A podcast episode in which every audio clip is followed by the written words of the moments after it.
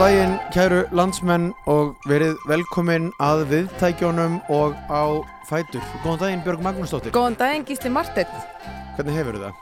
virkilega fínt. Þakka fyrir enn þú. Uh, ég er bara daldi góður.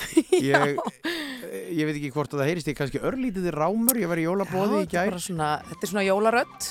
Já sko, ég er nú almennt með aðeins of háa rödd fyrir útvarp. Þannig að ég hugsa að ég sé skárri svona ef eitthvað er. Já, meinar, þú, þú farið niður um áttund. Ferði niður um áttund. Já, þetta er stert. Þetta Já. gerist í Ég jólabónum. óttast að þetta veði búið svona um klukkan tíu.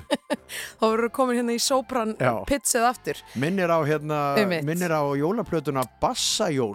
Já, sem að hérna var með undirtitilinn öll þín eftirlætis jólalög ein, eh, einum áttunda neðar eða eitthvað líka að en Jakob þarna bassaleikari Magnússon gaf út þá plötu Einmitt, það er annarkvort sko í jólabónum að vakna rallaus eftir þau eða svona aðeins, Já. aðeins að rámari. Já.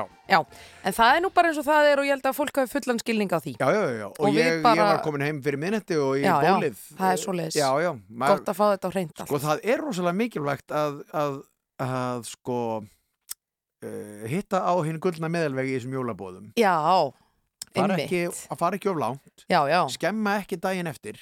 Einmitt. Þú var reyði eitthvað inni fyrir sko næstu dag. Þetta er svo, þetta er svo stór hátíð, þetta er fimm helgar eins og fram hefur komið. já, En svo var gestastjórnandi hérna, því þú varst nú hérna fjara góðu gamni Fjara, svo, ég var í, ég í kaupanöfn, júlufrókost Já, veistu það, Gísli, ég nefnilega var að halda því leyndu fyrir hlustendum hvar þú værir. Ég vildi Já. ekki valda usla í Ah. kringum þig í þeirri borg sem varst. Herðu, svo bara lesið um þetta í fjölmjölum að, hérna, Ég sá það líka Þar það er bara verið, er að upplýsa um ferðir þínar. Herðu, er Ég kalla þetta betri persónuvend. Já, þetta er þetta ég get sjálfur mér um kent að því ég setti það mynd af okkur á Instagram Já, já.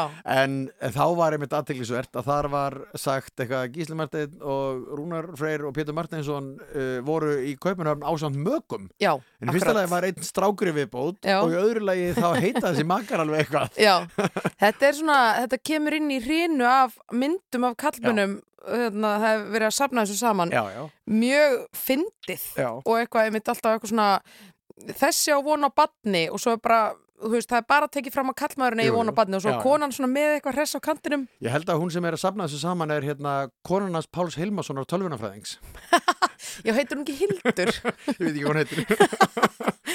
En hérna, en hérna, já, það, það er gaman að þessu og vonandi er fólk að, að hafa svona nokkuð nokku huggulegt. Ég verð að segja fyrir mínan part að ég nefnilega var komin upp í rúm bara fyrir klukkan 11. Já, Já, eða svona, ég, var, ég er að lesa svo ógislega skemmtilega bók nú, Þannig að það er svona íti manni hraðar hvaða veist, bók er það? það, Hún heitir Two Sisters uh, og það er eftir hérna norskan blaðamann Osne Sæjerstað Jú, jú, sem að gerði Bókin um Bók- Anders Berrin Breivik Já, og bóksalinn í Kabul Bóksálinn í Kabul og nú er hann að fjalla um sko tvær sómalskar sagt, stúlkur sem flytja til Noregs og ákveða sem bara fara til Sýrlands Já.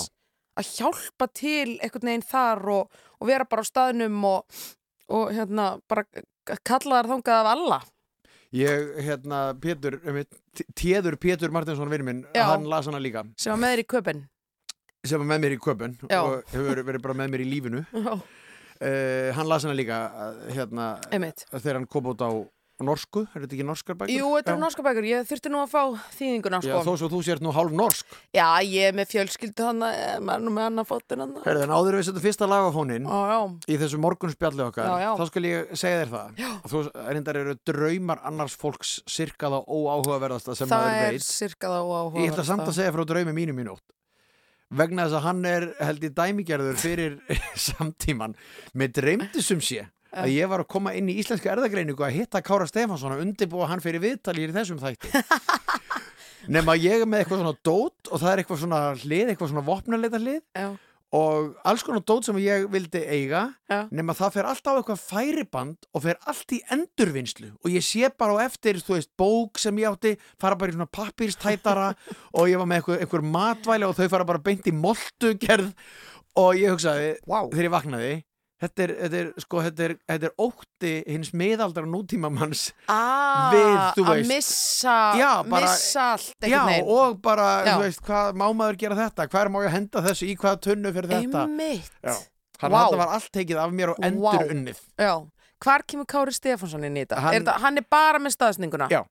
Ég- hann, Mm. hann mætti ekkit á staðin eða neitt Mér finnst samt eins og hann gegni hann einhverju svona Ég- stærra hluturki Já, ég hugsa að þetta ráða þetta all, all, allavegu en, En Klingenberg, við þurfum að fá hana þetta. bara á línuna í, í draumráðningu Já. um þetta mál Herðu, við ætlum að byrja þetta rólega það er ábyggilega margir sem ætla að njóta þess aðeins að svona liggja upp í bólinu eh, fram eftir morgni og við, við fögnum því og við styðjum allar tilraunir til þess uh, og hér er það nú svona jólalag sem hefur fyllt þjóðinni ansi lengi og er bara, ég held að þetta hljóta að vera bara eitt af svona uppáhalds jólalögum í þjóðarsálinni. já, Þetta eru hinn fyrstu jól eftir Ingibjörgu Þorbergs já og hér er það hún sem syngur.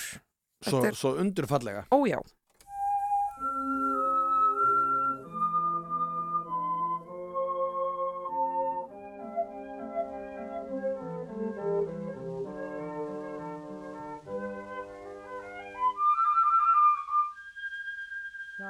Það dimmir og hljóðnar í Davíðsmorg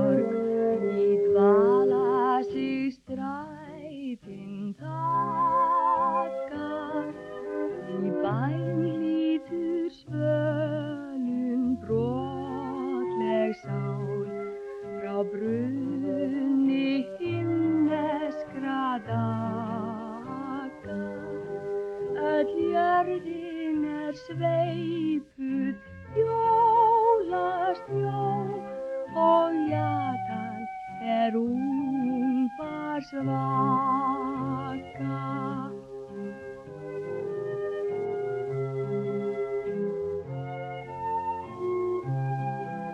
Og stjarnaskín gegnum skýjahjúp með skærum lýsandi bjarma og inn í fjárhúsið byrtan verst og barnið réttir út arma en móðirinn sælasti svanni heims hún sefur með bros um barma.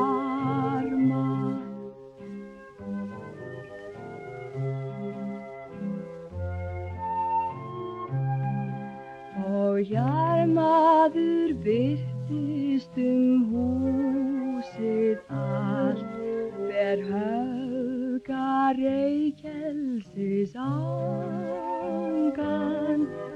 í huga flytur hann himmið þökk og hjalar við reyfast rángan. Svo gerir hann krossmark, grípur fram og gistir barnið á vangan.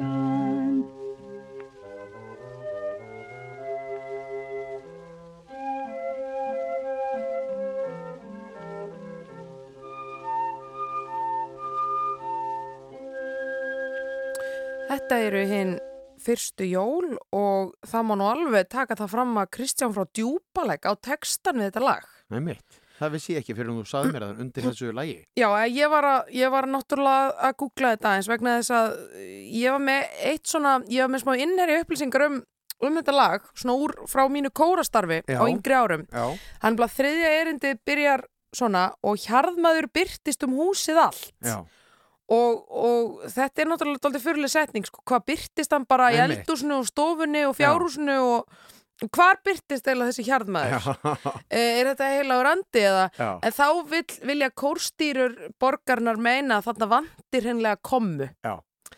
Uh, Hjarmaður byrtist byrtist komma um húsið allt ber höfga reykjelsis Já, ángan. Þannig að hérna, þannig að það sé er- ekki hjarðmaðurinn sem byrtist út um allt, nei heldur uh, hann bara byrtist í dyrunum einhvern veginn og svo, og um allt húsið er síðan þessi reykjelsis ángan. Og ég get sko á, á upphöfulegu plötunni Já. þá er textin aftan á Já. og þar er þessi komma Þar er þessi komma. og Það hefur einhver hreinlega bara gleymt henni Svona getur henni eða- komma skipt miklu máli Þetta nefnilega, hún getur hann skipt mjög miklu máli. Þetta hefur, þetta er oft sagt held ég um þarna, ég beði hilsa semst ljóð eftir Jónas Hallgrímsson og, Já, og nú hérna, andar. Já, nú andar söðrið Já, og þar er sko hérna, nú andar söðrið sæla vindum þýðum. Já. og þarna sem sagt er líka einmitt sko finnst mörgum vera vittlaus Ah, línuskipting sagt einmitt. áherslunar já, emitt Já, Já, og hérna og það er greinlega sama í þessu sko að komman Já. er þarna og hjarmaði byrtist komma um húsið allt ber höfga emitt Þetta er svona, en það eru það eru tíu dagar í jól. Já, Það er, wow, wow Það er bara staðan, fjórtandi Búm, og er ekki bara, er ekki vika í að sól fari að hækka á lofti? það er nefnilega svoleiðis Gísli Marteinn Er og við, við erum einmitt með þátt þann dag það er næsti lögadagur, þá Já. snýst hjólið við. Já. Ha, Og sumir segja einmitt að orðið jól sé dreigð af orðinu hjól. akkurat. Raunverulega sko, ekki reyðhjól, heldur hjól eins og eitthvað sem snýst, Já, fer ring. nákvæmlega uh, já, þá fyrir þetta nú svona aðeins að aðeins að tókast aftur, aftur á góðan, góðan stað. Ertu, finnur þú fyrir skamdeginu? Nei, ekki, það hefur aldrei neginn stór áhrif á mig. Nei, þú ert ekki Eh, að bæta við hérna lifja skamdeginu Nei, ég tek samt D-vitamin sko. Já, Já. einmitt, ég gerir það líka Já. Já. Og En virkar þetta eitthvað? Ég er, ég, er, veist, ég er að taka tvær á dag og, en ég finn ekkert eitthvað brjáluð áhrif sko. nei, ég, ég veit það ekki alveg heldur, en læknar bara mjög eindreið segir mann að gera þetta. Já, já, En Ok. já, hérna, ætlaði að fara að tala um kertaljós. já Eða þú eiginlega að tala um þetta Þetta er, þú valdir þetta lag, þetta er Já, æðislegt lag Sko, það er, hérna, ég held að bara eitt fyrsta lag, lag Hjaltalín. Hljómsveitarinnar hafi verið jólalag. Eða allavega mjög snemma. já, Og meiri sé að uppalega að sungið af, af manni sem var söngvar í hljómsveitinni áður en högni kom til liðs við hljómsveitinna. Hver var það, manstu það? Já, nei, ég manna það ekki, Já. en hann er um, Jónsson. Hann er Jónsson Já, því ég þekki bróður hans. Hann er að naga sig í handabökin í dag En hann náttúrulega, hann, síðan, neini, síðan var hann hluti af, skilur af umbóðsmaður eða eitthvað þannig, hann var hluti af þessum vinahópi mjög lengi og er auðvitað ennþá. Og svo kom högni inn og það er, já, já. það er erfitt að keppa við kongin. Það er eiginlega bara ekki hægt sko Nei, nei, Hmm. þannig að, hérna, en svo gerðu þau þetta lag aftur Já, með uh, högna og uh, Sigri Tólasjús. Þannig að þetta er sérst lagið Mamma kveiki kertaljós, undur fallegt, Mhm. uh, en rólegt, af því að við erum nú að, svona, Já, við erum erum að hugsa um fólkið sem er með okkur í útvarsveikjara klukkunni. Er Ah, ennþá uppi, Akkúrat. dormandi. Dormandi nákvæmlega Já.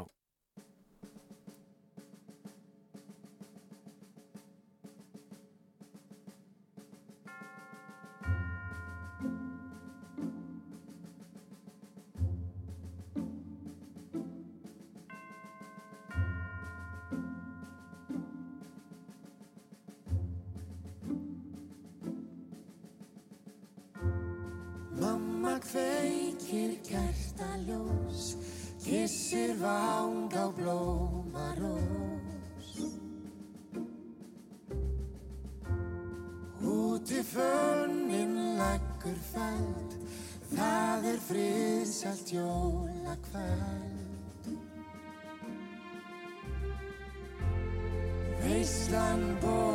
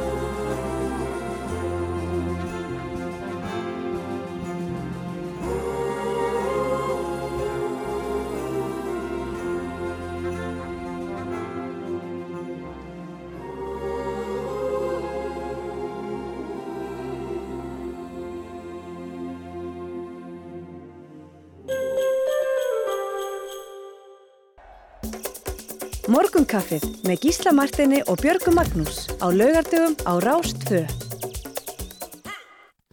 Áframheldur fjörið hér í Studio 1 í efstaleitinu. Já, Við erum í jólagýr. heldur betur Já, Eh, Sko, hugsanlega verða engangu spilu jólalög í þessum þætti hugsanlega, Nei, eh, já Nei, Nei. mér að verða undartekningar, já, ég man það núna já, en svona á þessum byrjunaskrifum þáttarins þá ætlum við að halda okkur í jóladeildinni. Sko, ég hef aldrei alveg skilið svona anduð sumra á jólalögum? Nei, einmitt. Kemur hún frá sama stað og anduð og Eurovision? Það er alveg góð spurning. Já, Það- ég veldi þessu fyrir mig. Já, Er þetta sama stað í heilanum? getur verið að það vanti bara gleði í líf þessa fólks?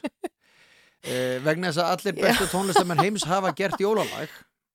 Já, já, og það er ólíklegt að þeir setja einhvern veginn lélugustu lögin sín Já, akkurat í þann búning en auðvitað getur, ef þú veist, ef það byrjað að spila jólalögin í oktober, ég skil Ég skil það, Já. ég er tilbúin að hlusta á þau sjónarmið. já, En þetta var samt smá eins og Pott Baldun sagði hérna við okkur um daginn. Það þarf einhver að vera skröggur.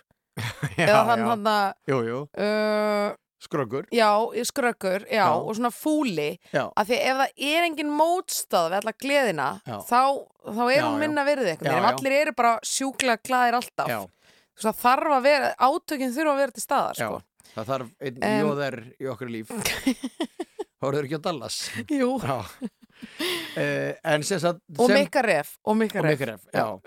Það þarf einn að vera da- mikið sem ref. dæmi um þessi góðu jólalög Jú. þá náttúrulega er að því að hérna uh, að því við spilum kannski eftir í nýja jólalagi með Hipsum Haps Já, hann var að mynda að segja söngarinn þar annar þeirra, Fannar, fannar, já. var að segja sko, ég hugsaði bara það eru allir bestu, allir uppáhalds tónlistamennir mínir hafa gert jólalag. Mm akkur ætti ég ekki að gera jólalag? Einmitt.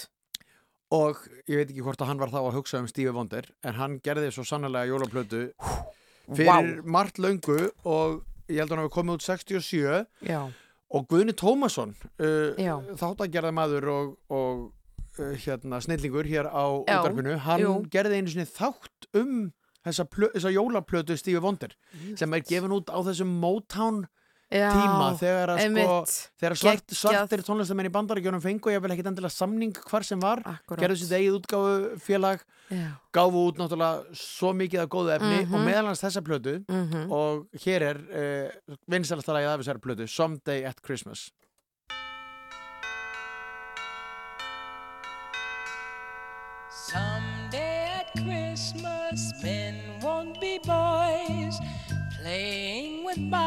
like kids play with toys.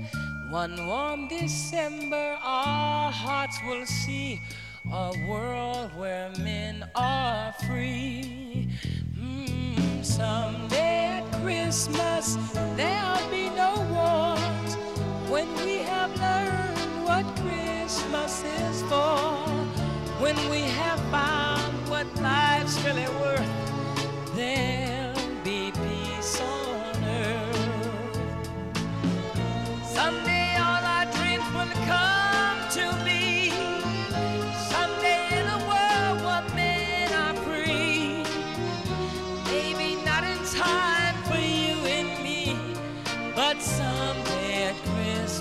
It's time.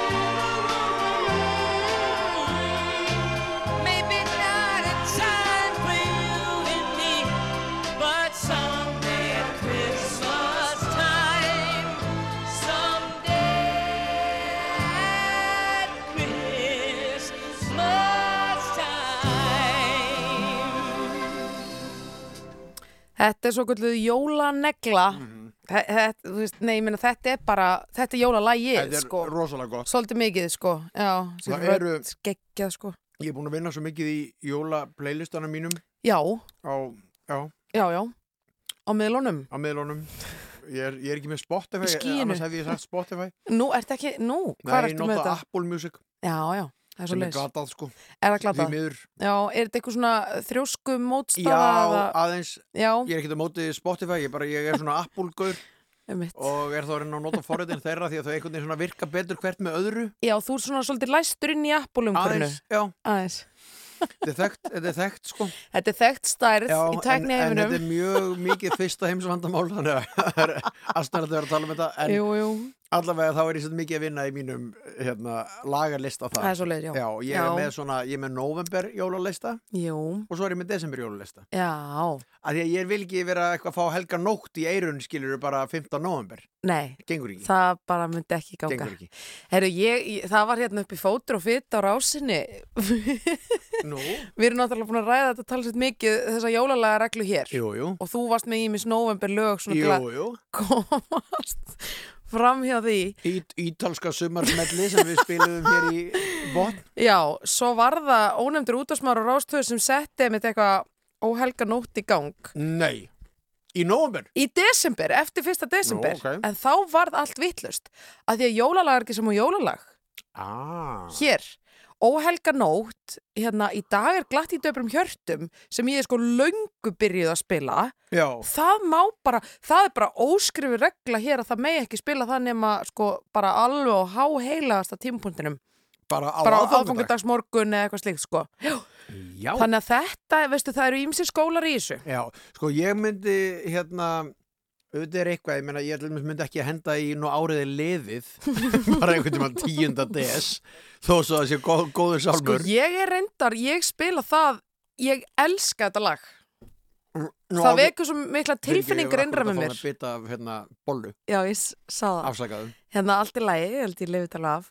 En mér, veistu það, þetta, þetta, þetta vekur svo mikla tilfinningar innra með mér þetta lag, nú árið er liðið og hvers er að minnast og þetta er svo, þetta er svo svona þunga viktar spurningar Ég er bara, hva- hjartalega hva, samanlega hva, hva, hvað áttu að taka með þér úr þessu lífi skilur, af þessu ári úr þessari viku þú veist hvað, Ert þú bara að hlusta þetta á sumrin? eða? ég er nefnilega á það til já, Það finnst mér bara áhugavert ég, ég, en þú veist, er það gísli að þú ætlar að byrja rétt að byrja hugsa um, þú veist, áramóta heiti þú veist, bara eitthvað kortir í, kortir í áramót Já, heldur að það verði Nei. til einhver skaks þú þarft þú að veist, að rýna þetta allt, árið Allt árið það var bara Já.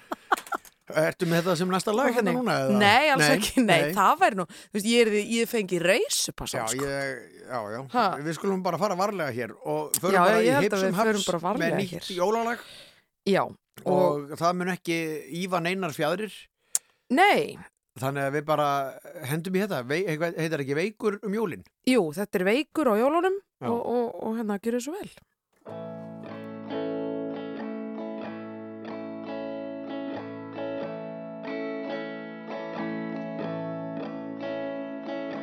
Veikur á jólunum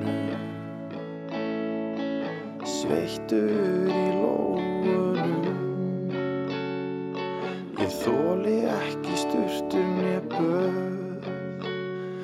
Nasir fylltar af eldhúsblöðum Veikur á jólunum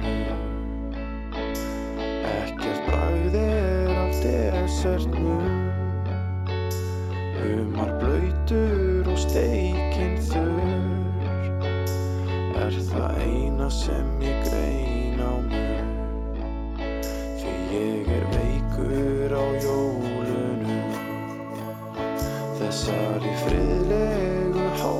coaster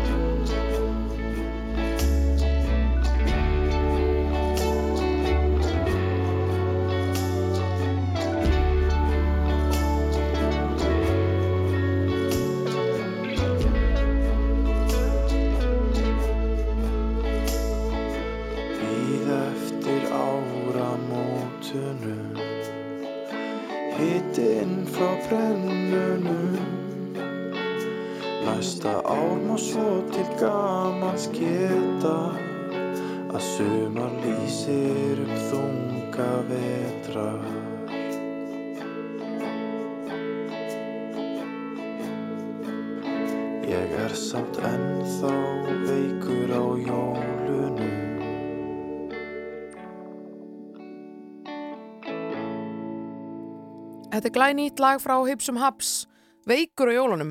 Hefur þú verið í mm, flensu? Já, ég er bara Bang. Ég er bara til til Wow. ofta veikur á jólunum Þú þú leiðilegt sér frá að segja Já. og Hva, hérna hva, hva, hverju sætir? uh, ég er bara, ég er oft veikur ég er einhvern veginn ekkert mjög Hvað heilsurhraustur meinar ég, Þú þú veist, og kanns, veikur. nei, ég bara, ég er ég er ekkert svo heilsurhraustur ég er bara dálítið oft einhvern veginn með einhverja lurðu það er bara satt en ekkert mál, ekkert alvarlegt Nei, nei. Og, að, hérna, en bara, þú veist, maður er búin í einhverju vinnutörn og eitthvað Já. og svo kemur fríið Náttúrulega sjónastjarna. já, já, ég meina, þú veist, það eru jólaþættir sem það er að gera hérna og svona Það er svo og, leiðis. nei, nei, þetta er bara Já, já, og einmitt. meiri sér bara líka þegar ég var yngri maður er í jólafríi og reynar að vinna eins mikið og maður getur til þess að fá pening Já, og, akkurat. og þú veist, og er Og vinna á allt. kannski og eitthvað Já. og svo kemur fríið og þá Hann já, hrýnur ónæmiskerfið. já, ég hef sem betur verið aldrei verið eitthvað alvarlega veikur á ekki, mér heyrist hann ekki vera það í þessu lægi Nei, hann er bara eitthvað létt kaldsveittur já, og, bara einhver, og einhver veist. hefðbundur flensu enginni Já, já, engin, ekkert bragð af steikinni. Sko, ef ég þyrfti að vera veik fyrir jólinn, þá myndi ég helst vilja fá bara svona skæða gubbupest í svona viku.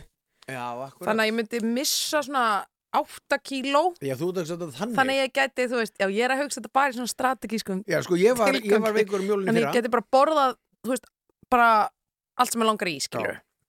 Sko ég held að, sko að ég fór fyrir skötu 2002 og 2003 og í fyrra var ég Nú. veikur eftir skötuna 2002 og komst ekki í skötuna 2003 og var veikur á aðfangundag líka Herri, ég, mér minnir uh, uh, mér rámar í þetta. Já, já, ég meni ég er náttúrulega er ekkert að fara lengt með þetta þegar ég vorkinni sjálfur með töluvert þannig að ég læt ég, Einmitt. landið og miðin fá alveg að heyra af þessu Já, já. en að minnst kosti, fyrst spurt er þá er það, já, þá hef ég oft verið veikur mm. en Einmitt. alltaf í góðum, góðu stuði lopasokkum Alltaf og, og smá teppi og bara kakó og teppi. nice heit sko. Já, já, Já. nákvæmlega, maður bara gerir bara gott úr þessu. að sjálfsögðu Ha, uh, næst ætlum við að spila lag sem að e, Þú valdir Gísli Martin Nú? já, með þetta er, er fallegt lag með honum Valdimar Guðmundsinni Já, heyrðu, þetta er nýtt lag Þetta er góð bóðskapur Nákvæmlega, Er það ekki? eitthvað gjöf í ár Já, og, og ég held nefnilega, þú veist að því að hann segir eitthvað, ég mann út ekki orður rétt, hann segir eitthvað um það að hann vil bara rólegheitin einmitt og ég held nefnilega að sko, ég held að þyrmi svolítið yfir fólk, sérstaklega barnafólk, fólk sem á krakka. Einmitt. Bara á aðfangataskvöld og kannski, þú veist, unglingarnir búin að vera að eigða peningunum sínum í að kaupa eitthvað til mömmu og pappa sem er náttúrulega rosalega fallegt en, mm, en þú veist, Einmitt.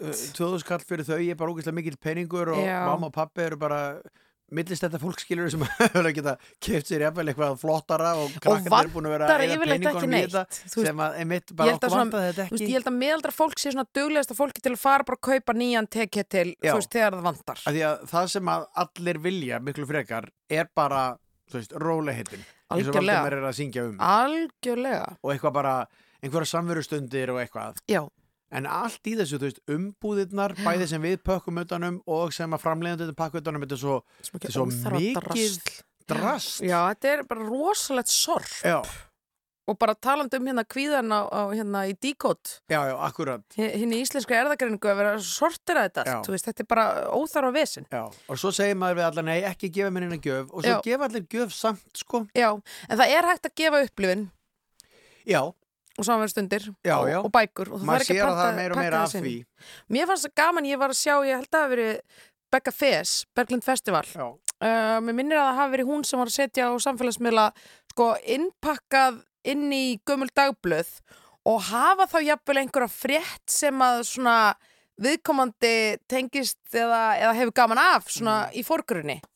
Þannig að þú veist, ef þú, hún er til dæmis mikill aðdóndi Sigurðar Inga land, hérna vegamála ráðherra samgöngur þeirra um, uh, og þa- það, þá er, væri til dæmis ef maður væri að gefa Berglindi gjöf þá væri hægt að setja þú veist, það, einhverja svona skemmtilega mynda sigurðinga svona, þú veist í þu- þumalringurinn gæti komið jafnvel við sögu eða, Jafnvel. jafnvel. Ég sá á hérna, Facebook-grúpunni teiknumyndasögur Já. Sem ég er inn á út Mhm. af áhuga mínum á tinna ah, því að ég er alltaf verið að Já. kaupa mér tinnabækur. Það eru ófáanlegar. Þeir eru ófáanlega Já, maður þarf að kaupa þær bara, þess að ég á þær á ennsku ah, en þess að íslenska útgáfan er bara maður þarf að kaupa hana á svörtum markaði.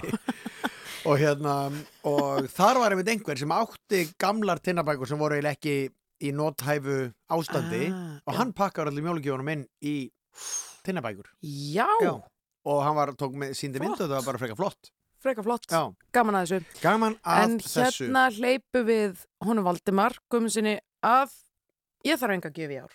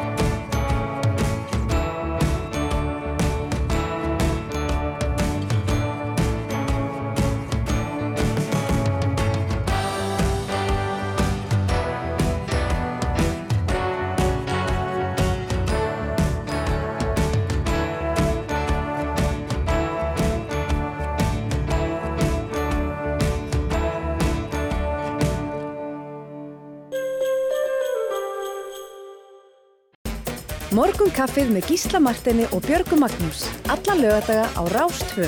Fyrst og fremst um helgar.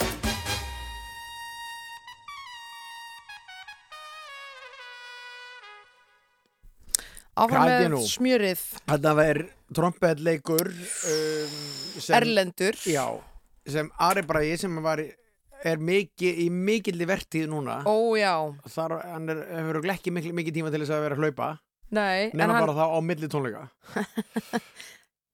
Hann var flottur í sjónarpunni í gær. Já, hann, hann var flottur í gær og er alltaf flottur en Já, já, myndavillin elskar hann. Já, og, og hérna Það spilar svona undurvel á undurvel á trompeti Já, og það hann er, er alveg magnaður. Þetta er góðsend tíð fyrir trompetleikara það er trompeti hans í mörgum Það jólulög er trompet í mörgum. Samt er hérna bara heimsum ból hérna þegar kemur trompetin hann í einu erindinu. Já, það- er það ekki bara síðast erindið? held það. Já, uh, umveit mm, En svona jólarristan, er hún ekkert Jú, sleða. Já, Já, já, sleða- langar svo mikið í svona. Uh, Þú veist, Einmitt. bókumílu var að hrista þarna að þið gæri já, þættinum. já. Þetta er mjög jólalegt sko. Þetta er jólarrista Ég já. veit ekki hvað þessar bjöllur heita, kannski heita það bara jólabjöllur. Veit ekki hvað þær heita á fagmáli. Svei með þá Sleðabjöllur. Sli... Það er eitthvað svo leiðis. En, en Já. þetta er ekkert að ég meina, hérna í mörgum erlendum Já. sleigh bells ring. Já En, og hjá okkur er eitthvað, það heyrast jólabjöllur og ég veit ekki hvað það er verið að vísa í þessar bjöllur. Mér finnst jólabjöllur alveg ná utan um þetta sko Við, Við erum bara að segja það. Diggir hlustendur geta sendt okkur skilabóð ef þetta heitir eitthvað annað en það. Já, Um, en ætlum við að spila Cozy næst? við ætlum nefnilega að spila kósi næst. svo Kósi og heiðu Já. Það er svoleiðis. Það er svo mikið til af góðu, góðum jólaplötum Já. sem að hafa farið undir sko við erum í smá svona trúbóðastarfi með þetta. Við erum að að segja fólki að jólalög séu bara fín. Já, já, en Nei, það, er, það er nefnilega sko Það er mikið tekið af samadótinu já, Og það er bara, við skiljum það. Við skiljum það En, jól, er, nei sko jól eru náttúrulega smá svona klísja þetta gengur út á endurtekningar og Já, hefðir og gera sömu hlutina aftur. Jú, jú, þannig að við erum að hlusta bara þá á sömu lögin aftur. Svolítið. Og það er aðeins meina að það er fullt af jólalögum til þess að eru engar jólabjöllur. Já. og það er ekki, jafnvel ekki minnst á jól en Mhm. samt eru þetta jólalög. Akkurat, og það er bara því að þau eru spiluð um jól. Þannig að skilgrinningin á jólalægi er eiginlega bara, þetta er lag sem er engangu spilað í desember. Einmitt En svo er jólalag ekki sama jólalag eins og við vorum að ræða hér á þann það er rétt uh, þetta lag er alveg ekta jólalag Já, og þetta já. er náttúrulega lag sem að Ómar Ragnarsson held ég alveg örugglega gerði sko, mm. veist, jólasveit jólasveit Einmitt. mig langar til að haldir í höndin á mér eitthvað svona Jólasveit, Já. er það? já, Já, nema hljómsveitin Cozy gaf út jólablötu sem heitir Cozy Jól og nú hugsa ég að flestir hlustendur muni alveg eftir Cozy en ef einhver gerði ekki þá var þetta sem sagt hljómsveit sem var til í mentaskólanum í Reykjavík. Mhm, og þarna voru meðal hans Ragnar Kjartansson mhm, Rassi Prum, Akkurat. uh, myndlistamæður í dag heimsfrægur myndlistamæður Já, bara einn eftirsóttasti myndlistamæðurinn í, uh, í heiminum á sínu sviði. Algjörlega. Já. Úlfur Eldjárn sem að síðan hefur bara verið með, með orgelkvartettinum apparat og, og Mhm. alls konar hljómsveitum. Mhm. Markus Þór Andrésson sem var hérna einhvern veginn með unglinga þátt hér og er núna Já. svona, svona listsýningastjóri Mhm. uh, svo kallar curator Já, bara sér mentaður í því og svo var Magnús Ragnarsson minni með hann að við heitað uh, Já. bróðir Elisabethar Indru sem hérna var útvarskona Einmitt, heilengi og er sjá, vinnur í tónlist líka ég held að hann sé mentaður kórstjóri þannig að Algjörlega. þú veist, allir svona en þetta er bara þegar þeir eru tvítugir þá gefa þeir út þessi plötu Mhm. og þarna fá þeir heiðu í unun einmitt. með sér. Heiðu Eiríksdóttur. Og mannst þetta þessu lagi Björn? Já, af því þetta lag er nefnilega sko, þetta er svo, svolítið svona fyndið lag þetta er svolítið svona sko greinir maður jafnvel einhvern svona smá undirteksta Já, í þessu? Einmitt, ég þarf að hlusta núna. Sko ásóknin í jólastelpuna. Hmm. er hún alveg bara fölskvalaus og fögur eða er eitthvað annað í þessu ég veit það ekki. Býttu nú hægur. Ja, þeir, eru, þeir eru allir ég veit ekki hvað það er að segja Er skotnir í jólastelpunni. Já, þetta er við það að gera þetta að jólastelpu og það Hmm. hvernig þau syngja þá verður þetta svolítið annað en jólasveitnin myndi ég segja. Já, en þetta er, þetta er opið fyrir ha, prófum það. Já, prófum það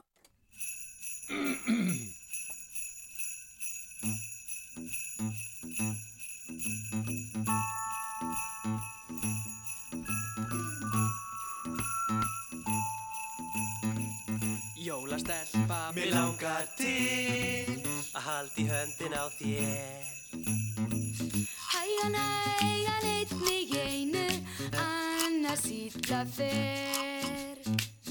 Jólastelpa, kontu hér og halda í höndin á mér Hægan nú þið eru fjórir, en bara ein ég er. Halda í höndin á mér, færðu ekki frá mér Elsku vína, viltu vera hjá mér Ekki get ég strákar mínir, hilsað öllum í senn.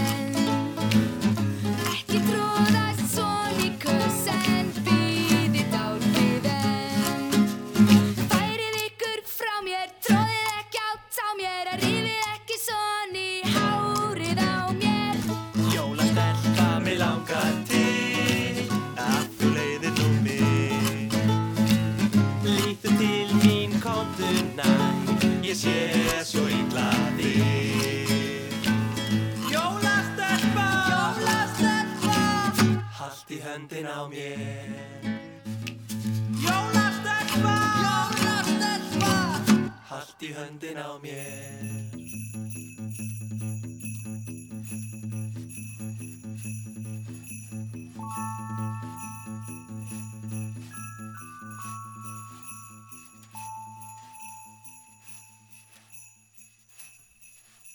þetta er stórkustlegt Talandi um jólabjöllur? Já. Þetta grínast. Þarna þeir voru notuð það er heilmikið á samt kasín á hljómborðinu þarna sem að er mikið já, á á þessari fínu plötu. Einmitt. Þeir eru þarna á þessari plötu líka Jól á Hawaii. Ah, og alls konar, þetta var mikið Mhm. svona mikið ungjæðingsháttur í þessu öllu hjá þeim. Já, Já, en það er þessi þessi undirteksti Hann já eh, hva, hvernig varst að lesa greinist. þetta? Já, þetta er einmitt það, það er nú einu stað sem hún segir eitthvað svona þið eru fjór, eða þú veist, þeir eru eitthvað svona beðan að halda í hendina á sér. Og hún er eitthvað, ég er ein en þeir eru fjórir. Já. maður fæ svona eitthvað pínu svona Já, ok, er þetta nokkuð hættulegt? akkurat. En Eh. við höldum nú að þetta hafi verið gert í, í mesta kærleika og, Jú, og jú, og Cozy gaf og sig með út fyrir Cozy mikinn svona kærleika og uh, ungir drengir með greitti liðar og svona. Velubaldir. Akkurat. Vistu hver var umbóðsmaður þessara hljómsveitar eða svona rótari? Segðu mig það. Sigmundur Davíð Gunnlaugsson Legg ekki meira á þig. Býtu, býtu, býtu Ragnar Kjartansson var Sigmundur Davíð umbásmaður Ragnar Kjartans. Já, það er að segja þessara hljómsveitar. Og ég veit ekki umbóðsmaður, ég, einhvern tíma bókaði ég það nú á eitthvað gig Hvernig og þá fór það ekki gegnum Sigmund Davíð heldur bara gegnum þá sjálfa. En hann svona kom og setti upp hljóðkerfið og Sigmundur gerði og græjaði. Já. Ok, var hann góður rótari? Ég, ég, sko, ég er nýbúin að fá þessar upplýsingar. Ég er að koma með það ah, funn heitarhingað inn. Wow. ég, ég sko man ekki eftir þessu en, en bara Ragnar Kjartansson saði þetta við mig um daginn. Það er svo geggjað. Já, og Raggi var sérst með eitthvað svona grínum það að þeir hefði hef verið svona miklir þjóðurnisinnar og sögðu sko Sigmundur var svo eini svona sem held því. Hmm, emitt, eh, ótrúlega sagt að komið af tíu fréttum. Við ætlum að skipta yfir á fréttastofuna. Rástfjör fremst Jæja, kæra þjóð, nú er klukkan 5 mindur yfir 10 og það er lögadagurinn 14. Já, og er ekki sko, það var náttúrulega kolniða myrkur þegar við komum inn inn Vá. það var væntalega aðeins farið að elda af degi núna, Vá. er það ekki? Ég sá ekki fóta minna skil. Nei, sko það er það er, býtum við, sólarupprás er bara sko rúmlega 11 þannig að núna klukkutími í sólarupprás hér einmitt. sunnan heiða. Já, um en, en við erum þá allavega með ramagn hér. Það er nú meira en sem við geta sagt norðan heiða. Algjörlega, eins og við algjörlega. fréttunum. Já, þetta er búið að vera ansi erfitt og við bara sendum, sendum okkar bestu kveður. Já, sko mér finnst þetta eiginlega bara að vera skandal Já, það að við séum einhvern veginn ekki betur undir þetta búin. Já. Já, En auðvitað meðan að, meðan að harðræðir gengur yfir hjá einhverju fólki þá er, er þetta verið eitthvað pólitíst reyður já, já, af því að þá bara þarf, að- bara allir að leggjast á eitt við að koma þessi lag 100%. en eftir það þarf náttúrulega bara að taka almennilega á þessu Já, það er ljóst. Já, Það er ljóst og einmitt bara köld hús og bara vera að bjarga heilu fjölskyldunum sem að voru bara búin að vera með eitthvað kertaljós og spil og Já, já. halda einu herbergi heitu, þetta er alveg rosalega sögur sko. já. Heru, en hérna uh, ég veit ekki hvort að þú finnir fyrir því sko, af því að það- hér hefur ekkert verið ramasleysi eða neitt uh, í höfuborginni en mér sko sem mjög lítið verið eitthvað smá þessi breiðoltun held ég gerði fyrir dag ótengt örglega veðrinu Já, en það er hins vegar að því að það eru svo kallt að þá finn ég og ég veit ekki hvort það tengist hvort að landsnet er einhvern veginn þannig tengt að, Mm.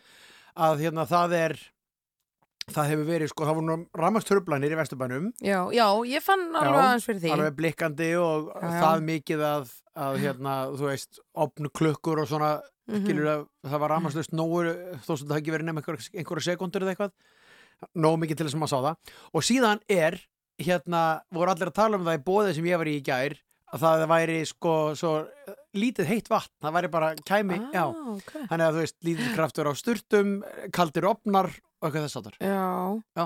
Þetta er, heldur að þetta verði næsta bara kostningamál? Hvað á að ge- nei, nei, sko ég alveg tala því Já. það, við stefnum, stefnum inn í einhver svona veðravíti, það er náttúrulega að verði meira öfgar er sagt að verði meiri Já. öfgar í veðri og þetta er kannski svona, ég meina þetta getur verið fórsmökkurinn af því sem koma skal, þannig Já. að ef við erum ekki betur undir, undir búin en þetta, Já. þá náttúrulega það veldur manni skandall. áhyggjum og þetta er ekki endilega, sk- þetta er engum, engum einum flokki að kenna en það er eitthvað bara að fyrst að þetta var Já. ekki betra standi það er bara þannig en, en út samt með ætlum við að eiga gleð og friðar jól Já, út með ílsku og hatur. Þetta á uh, sjaldan jafnvel við. Og einmitt í dag, þetta er að sjálfsögðu Pálmi okkar Gunnarsson.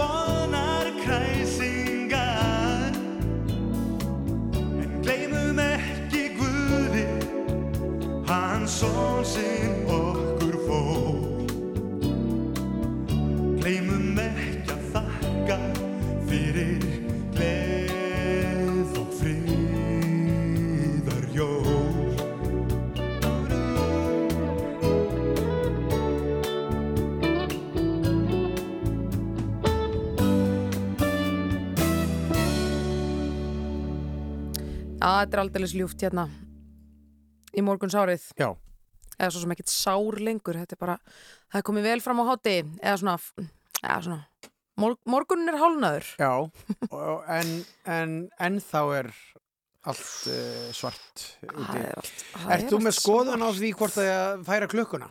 Já, mér stæði að færa hana Já, ég er nefnilega líka, ég var ekkert, ég hafði engan áhuga á þessu máli. Já.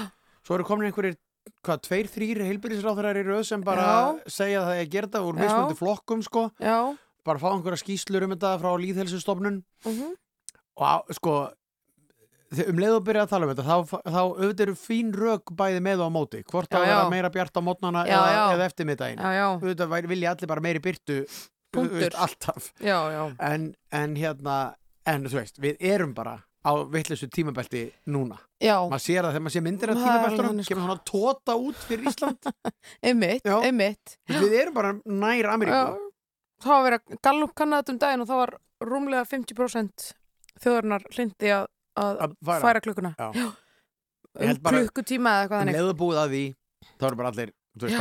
En ég eitthvað þetta er bara svona eins og, þú veist, við erum að fara að rífast um þetta í svona allavega svona áratögi viðbót sko, en að vera eitthvað gert. svo er náttúrulega mjög fyndið að sko þetta eh, eini stjórnmálflokkurinn sem hefur haft þetta mál beinlíni sem stort mál er ekki lengur til Nei, Björns framtíð og það er líka, það er, og svo verður klukkan færð já, já. og það er eitthvað svolítið fyndið að, að í umræðum um klukkuna Mhm. að þá séu menn einhvern veginn á röngum tíma með málið Já, það er ákveðin kaldan í því. Já, Herðu, við ætlum næst að taka, hér kemur lag í flutningi Páls Óskar Sjálmtíssonar. Hann á líka æðislega jólaplötu, Ljósin heima. Uh, Já, já. Hann syngur og dittu og, og fleiri góðir.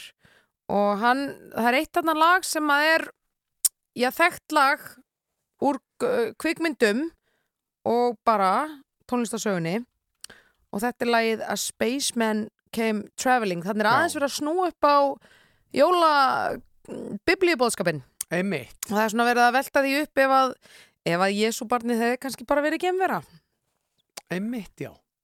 Já, Einhvern tímann kom út bók, nú við, hvernig er þetta? Það, það, það var eitthvað svona kenning um að, einmitt, Guð væri geimvera. Það, mm. það var eitthvað svona, hérna, Mhm. hippa, eða svona Já. kannski á sjöunni, já, var svona m- miklar svona geimveru pælingar. já. Gaman að vita hvað Brynjar Níelsinni finnst um þetta.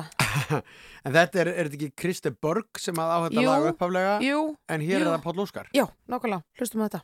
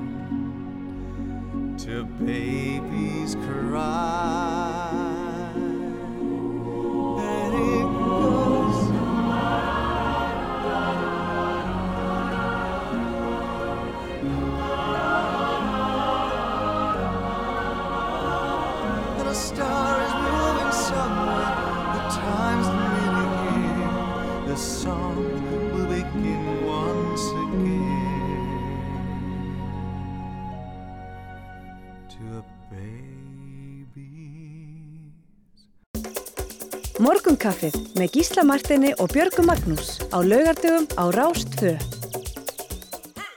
Já, hei, hei. Miklar bongotrömmur Vá, já. Herru, ég fekk skilabóð frá hlustanda Já, vegna þess að ég sagði að ég var að tala um eitthvað morgunsár. Það er ránt. Það er ránt, Gísli. morguns ár Morguns ár. Já. Þetta er nefnilega málið, sko. Uh, morguns ár er samsett úr morgun og aðtugsorðinu ár í merkingunni árla eða snemma. Þetta er svoleiðis og ég kann þessum hlustanda góða þakkir fyrir að vera á málfarsvaktinni. Já, já. Hún hættir aldrei. Nei, nei. Og þetta er hérna það er, það er nefnilega sko svo margt sem við segjum sem við kannski erum ekki lengur með tengingu við bara Akkúrat. alls konar hlutir úr sjómanamáli eða Mhm. landbúnaði Já. sem eru bara orðtök hjá okkur Akkúrat. og við notum á þess að skilja Nákvæmlega. Þannig að það er fínt að, er að okkur vitrara fólk hefur Já. hér samband og Já. beinir okkur á réttabrautir Það er svoleiðis og við erum þakklátt, við erum fyrst og fremst þakklátt. Uh, en nú er tímabært að keira upp fjörið því hér hingaður á leiðinni góðar konur. Ef að segja hver þetta er. Já, Þetta er- er rándýr gestalisti. Já, Já, við erum ekkert að plugga þennan þátt. eins og við erum, eins og við erum spennt fyrir þessum gestum Já, ég er alveg óvinnilega spennt. Þetta er nú bara uh, fyrsti kvennfórseti Íslands. Já, og, Og fyrsti eini kjörni þjóðleitói í heiminum? Akkurat. Vigdís Fimbódóttir, frú Vigdís Fimbódóttir. Já. Hún er væntalega hér í hús. Ásamt uh, Ránflýring sem er að teikna og skrifa bók um Vigdísi. Er, er, búin, hún er ekki að því núna, hún er búin að því. Já, og bókin er komin út og hún vann nefnitt hérna besta barnabókin, það eru bóksalar velja alltaf ár hvert uh, besti bækunar og það er unnu í flokknum besta barnabókin og þetta er sannlega ekki bara barnabók. Nei, nei, Við erum nei, nei, bæði búin að liggja í þessu. Já, Já. þetta er gaman. Herðu, en það er komið Bóni M. Já. Það er bara svo leiðis. Þetta er þannig tímapunktur, gott fólk, að við viljum fá Bóni M jólasirpuna í gang. Keirið í gang Já. Mary's boy child, Jesus Christ, was born on Christmas Day. And man will live forevermore because of Christmas Day.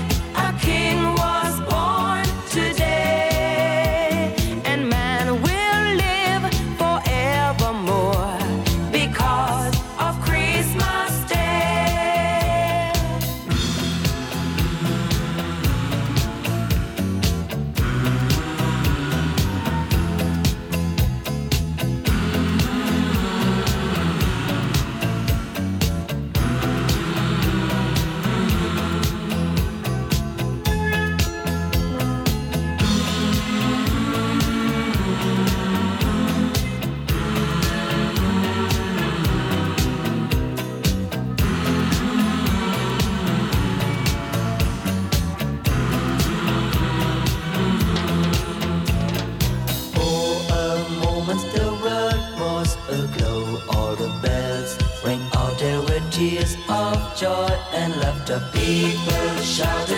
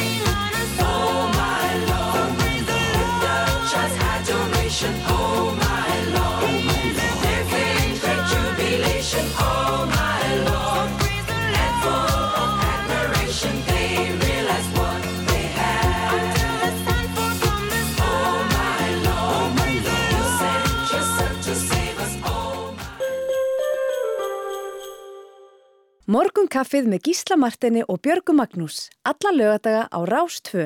Fyrst og fremst um helgar. Já, gott fólk, áframhöldu við. Við Gísli Marteinn erum uh, prúðbúinn og býðum eftir góðum gestum. Það er háttíð í bæ. Já, það er, sko, ég er náttúrulega, það? er eiginlega ekki, sko, stundum er spurt eitthvað, ertu komin í jólaskap og eitthvað svona, Mm. núna er komin hvað? Þrett, 14. 14. 14. Jú. Það var föstudagur 13. í gær. Já. Gerist ekki treðilegt. Nei. Uh, hérna, ég er alltaf aðeins að því að ef, maður, ef, ég, með, ef ég með vikuna á föstudaginu 13. þá er alltaf Já. smá svona, Já. þá er, sérst, Hefur- svona, það er engin stigar í stúdíónu og svona, svona- te- teimið er aðeins ok, maður passa okkur ekkert fara já. úrskeiðis Einmitt. en svo gleyma allir þessu bara Já, já. en hérna, já, núna þeir eru tíu daga til jóla jafnvel verstu Þeir eru. skröggar Já. hljóta þá að fara að- Hljóta. Að vera svona aðeins. aðeins að komast í smá hátíðaskap Já, nákvæmlega. þótt út í síðu snjór og krabb Bæng. eins og segir í textanum Eins og segir í textanum. Við erum sérst, eigum von á góðum konum hérna í morgun kaffið. Það eru, það er frú Vigdís Finnbóðdóttir og Rán Flyring. Þær standa saman að bók sem hefur hlotið mikið lof fyrir þessi jólin. Svakaleg vertíð í útgáfunni. Mikið að góðu stöfi og þessi bók meðal annars Vigdís. svo stendur undir titillin bókin um fyrsta konuforsetan Já. þetta er ekki kvennforsetan Já. en þetta er svo, svona, svona soldið skrifuð út frá sjónarhóli barns Já. eða þannig Já, og ég held hún sé svona flokkuð sem barnabók. Já, en eins og allar, eins og En- góðar barnamyndir, Disney myndir og svona, Mhm. þá er fleiri en ein hæð í því húsi. Er leiðis. Það er fullorðnir geta lesið þetta og hleyið að já, já. litlum svona mólum. Já, það er algjörlega þannig.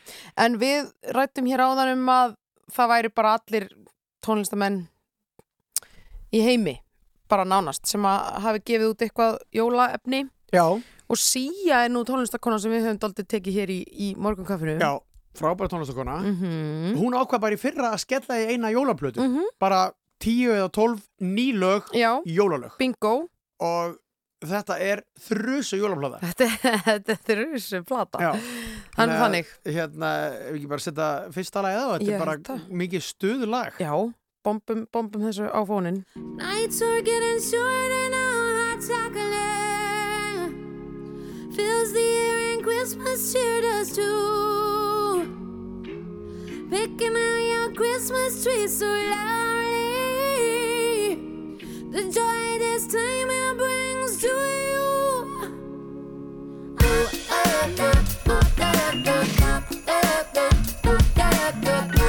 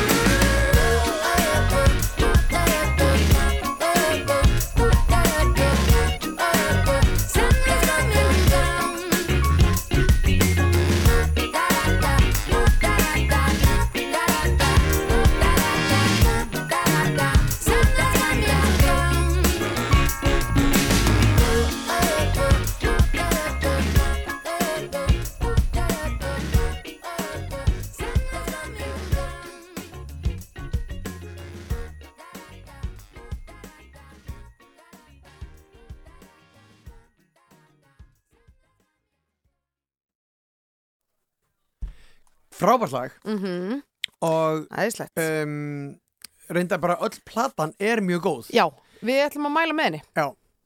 Það er þannig. Já. Snowman. Heitir hún ekki Snowman eða hvað? Nei, hún heitir ekkert Snowman. Nei, eitt lag á plötunni heitir það. Every day is Christmas. Þetta er Sia og hún er svo að því hún er svo mikið multitalent. Hún er, fjöl, hún er fjölhæf. Já. Nákvæmlega. Var hún ekki á Og- tíðanbili að semja aðalega tónlist fyrir aðra? Jú. Og svo kom hún með lagið um ljósakrónuna Aha, Chandelier. Já, og, um, Og hún vil helst ekki þekkjast þannig að hún Já. er með alltaf svona hárkollu sem að nær niður fyrir augu og bara niður á munn. Já, akkurat.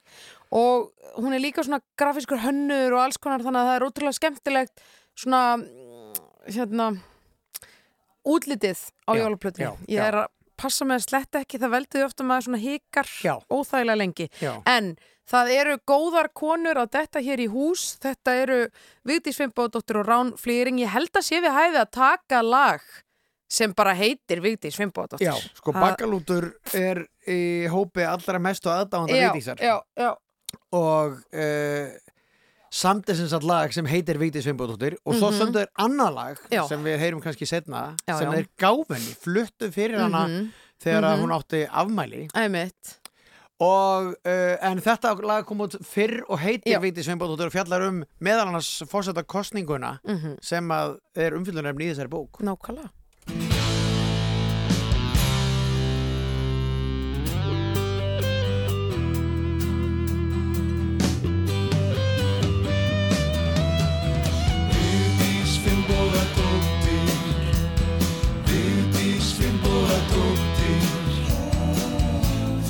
alltaf upp á hans fórsetin Vigdís Finnbogadóttir Vigdís Finnbogadóttir Þú varst betri en Albert Guðmundsson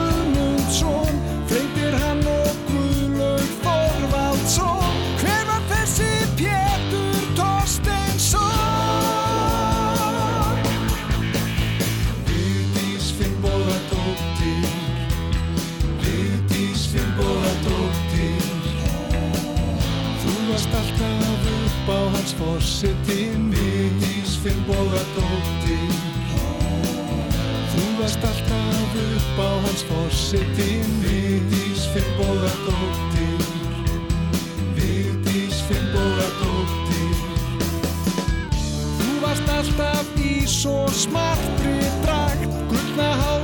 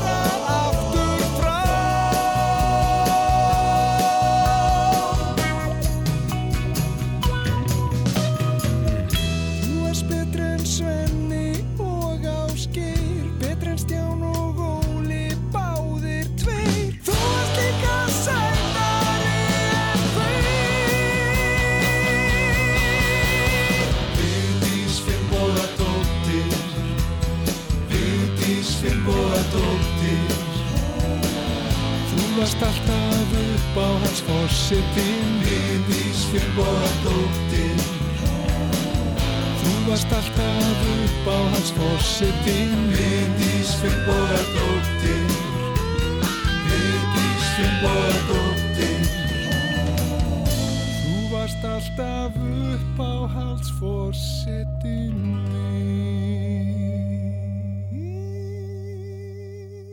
Morgunkaffið með Gísla Martini og Björgu Magnús á laugardögum á Rás 2. Já, góður hlustendur, áfram heldum við og hér er komið fullt hús af frábærum konum. Ótrúlega gaman að fá okkur frú Vigdís, Fimbódóttir og Rán Flýring, velkomnar. Takk.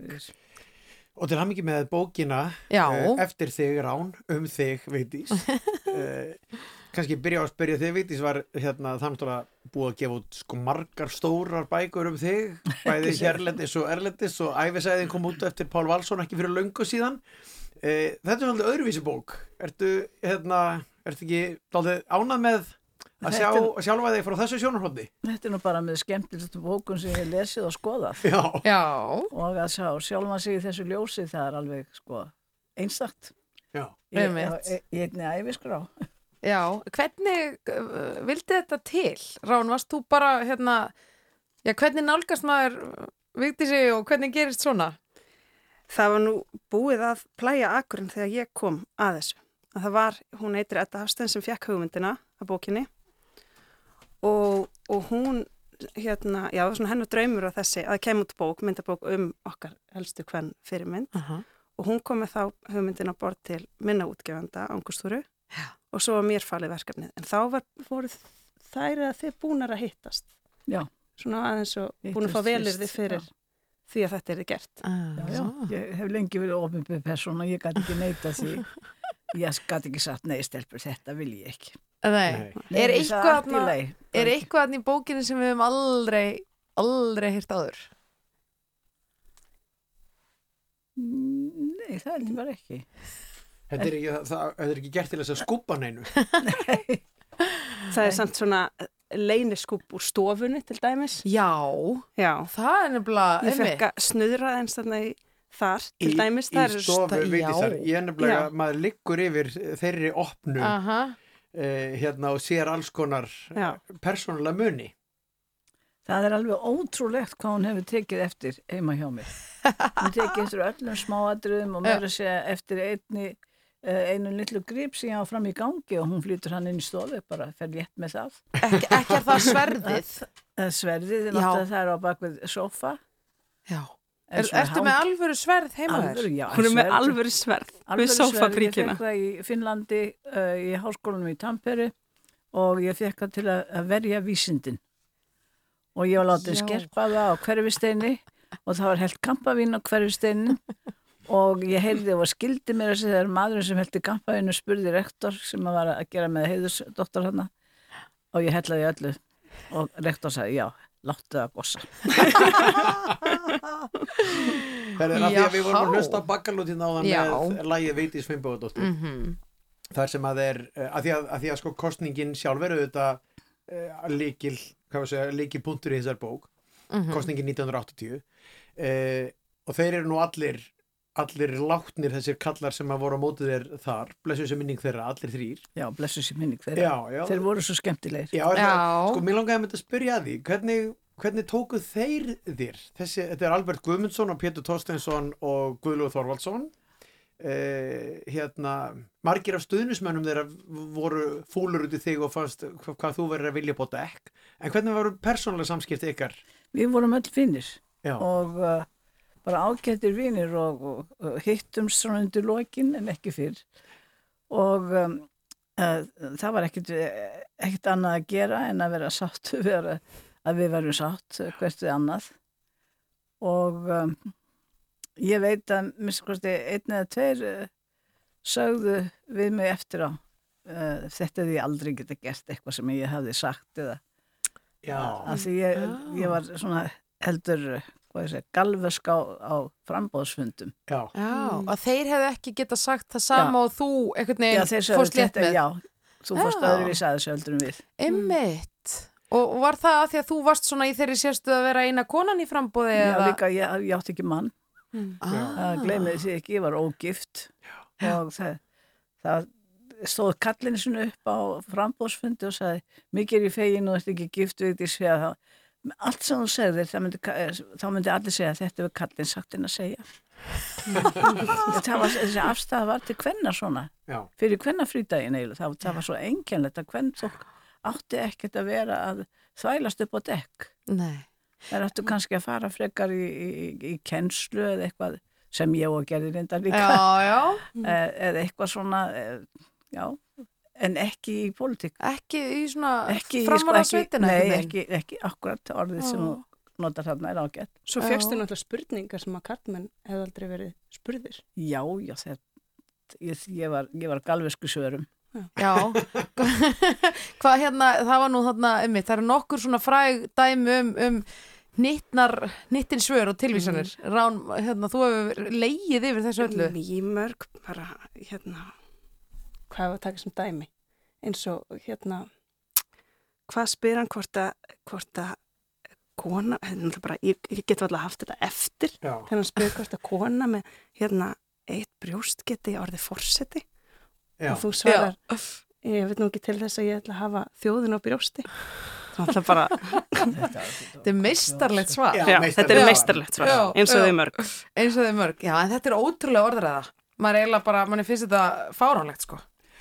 Hvernig, sko, við, já, við verum nú fljótlega að, að fara í fréttir Já. en, en hérna, að því að bókin gerir svolítið úr, sko, þessari feminísku upprisu uh, á hvernafrítaginn 75 Mhm. og, og svo er þetta mjög mikið það, svo staðurinda vitis var kona í frambóðu, ekki skrítið, heimsfrétt uh, var það meðal þess sem ykkur fannst þurfa að undirstrykka og segja nýri kynnslóð lesenda hvað þetta, að því að einhverju, sem, einhverju hluti sem við tökum kannski sem sjálfsögðum í dag Já. er svo stutt síðan voru svo fjarriði að vera sjálfsögðir.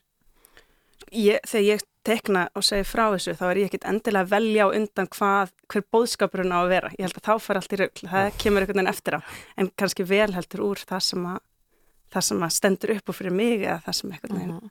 Já, já. En þa það er svolítið svona upptakturinn að framböðinu. Þannig að þessi stóri kvenna frítagur við, bara, ég, ég var nú ekki fætt en ég bara, maður mann eftir myndunum, sko.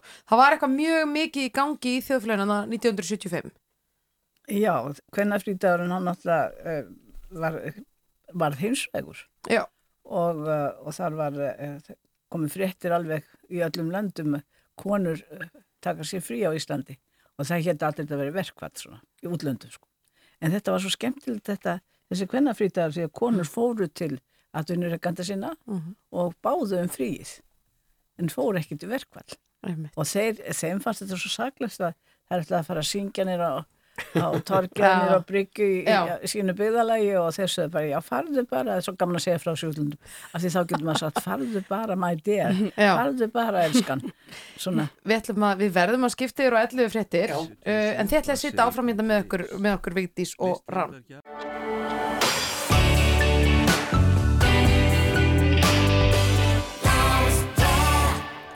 Já, góður hlustendur þeir að hlusta á morgunkaffi hér á Rás 2. Það eru góðar konur hérna í kaffi hjá okkur Gíslamartinni. Það eru frú Vigdís Finnbóðdóttir og Rán Flýring og við ætlum að taka eitt stuttlag með Bubba. Hann er nú í uppáhaldi hjá þér Vigdís. Já, Er ekki óvægt að segja frá því? Já. Við vorum saman í rektinni í gamla dag Voru saman í ræktinni? Já, og hann spurði mig síðast í hitt hann, ertu enn í rektinni? og ég sagði, já, já, sjálfsögðu Ok, og hvað, ertu að lifta og... Já, já, ég er að lifta og hoppa og, og hjóla og gera allt mögulegt til að halda sér í formið Það auðvitað. er svoleiðis, það er svoleiðis. Herra, við ætlum að heyra, það er hátíð í bæ með Bubba, svo spjöllum við betur við þessar góðu konur.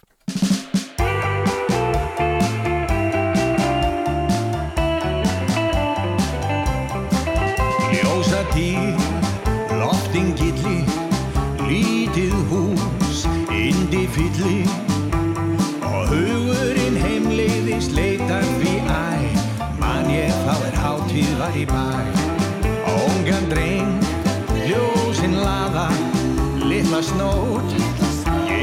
baða, ég man það svo lengi sem lífað ég fæ, lífið þá er hátíð var í bæ.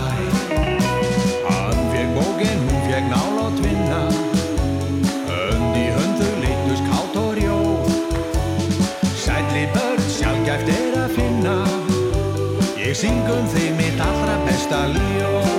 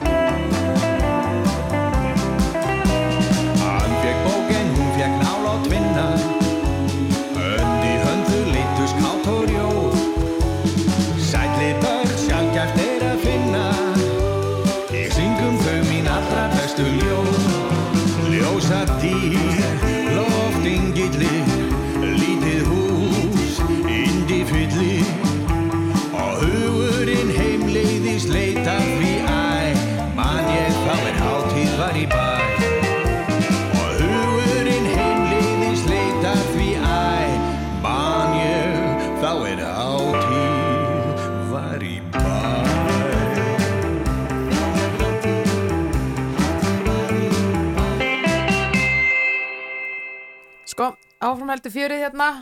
Vinurinn að Vigdísar Hann Bubbi Mortens Söng hérna hátíði bæ. Ræktarfélagi sagður okkur? Já, við vorum saman í rektin í gamla daga Já. og við verðum ágættir mátar. Og ég held upp á hann líka sem ljóðskáld. Hann er hann mjög gott ljóðskáld. Líðis gott ljóðskáld. Já, Herri, ég var að færa ykkur kaffi, ert þú mikil kaffi manneskja, Vigdís? Af því að þátturinn heitir morgunkaffið, við ræðum alltaf við alla um kaffi. Já, já, ég þekk nú engan Íslending sem getur þess að drekka kaffa á mótnan Nei, einmitt. Þetta er Sessandi og gott og Já. Já. En hérna í bókinni sem við erum að ræða um, hérna bókinni um þig, Vigdi, sem að Rán, Rán gerir svo ótrúlega skemmtilega, þar er svona eiginlega, það er eitt augnablík þar sem að, ja, með því að lesa bókina þá hugsa maður að þú hefur tekið ákvörðun um að fara í frambóð þegar þú fegst þarna skeiti frá sjómulunum fyrir vestan. Eh, Var það sem svo tanni? Var það, það skeiti sem svona hafði úslita áhrif á þetta? Já, það, það verði nú að játa. Uh, ég var mjög tregið, það, það var ekki móðis í þá dag að, að konur væri fara, fara svona í frambóð. Nei. Ég held að það veri eina eða tvær á þingi og uh, ég var afskaplega tregið taumi. Býtu, voru þær þá bara allar, þú veist, hvað, voru þær bara að kenna og stýra Já, heimilunum? Já, og... það þótti bara, þótti bara, þetta er svo langt síðan, það þótti bara til þetta uh, eftir mentaskóla að fara upp í kennu og fara svo í kennslu eða þá í lögfræði háskólanum eitthvað svona. Uh, Margrét Guðna var bekkasýsti mín og hún braut blað, fór í læknisfræði, þá voru nú fleiri búin að gera það á undan henni, en hún fór í læknisfræði og rannsóknir og var heti á keldum og uh, einstök manneskja hún Margrét Guðnadóttir. Mm og uh, þe- þetta var bara þetta var þá, við vorum bara tvær sem fórum til útlanda í nám það var Svafa Jakobsdóttir Rítöfundur og ég Já. sem var í mínu morgangi Ein, eitt sem að ég hugsa þegar ég lesi þessa bók og maður hugsa um þína sögu Vigdís uh, að því að þú ert sko staffýrug og þú svaraðir flott fyrir þig Mhm. og, og hérna og svona virka, það virkaði eins og að væri bara að gaggrinni væri eins og að sko stökkva vatni á gæs var það raunverulega þannig? Varstu aldrei lítil í þér? Þú eh, stendur eini þessar baróttu hérna, ekki með maka ég veit ekki hvernig, hvernig þinn vinahópur var eða bakland og svona.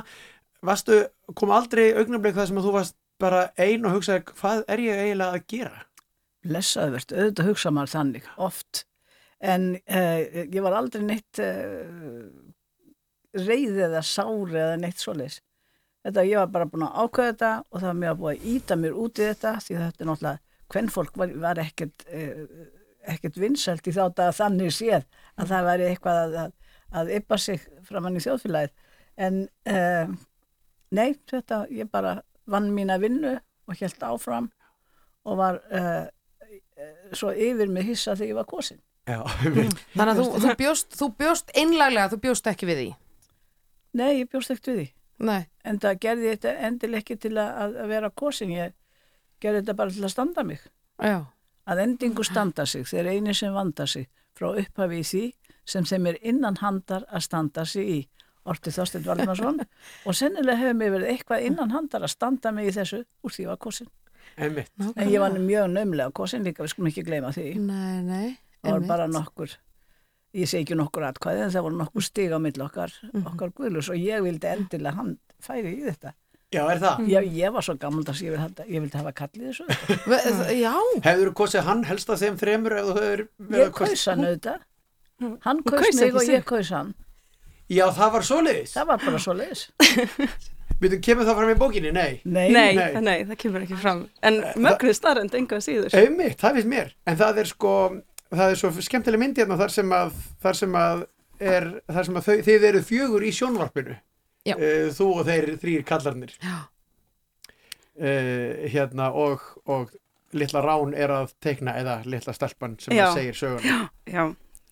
Og náttúrulega svo myndrænt líka þessi, þessi hópur þarna í Aha. sófanum og veitis í hvíta og eitthvað svona bara geislar af henni og... Já.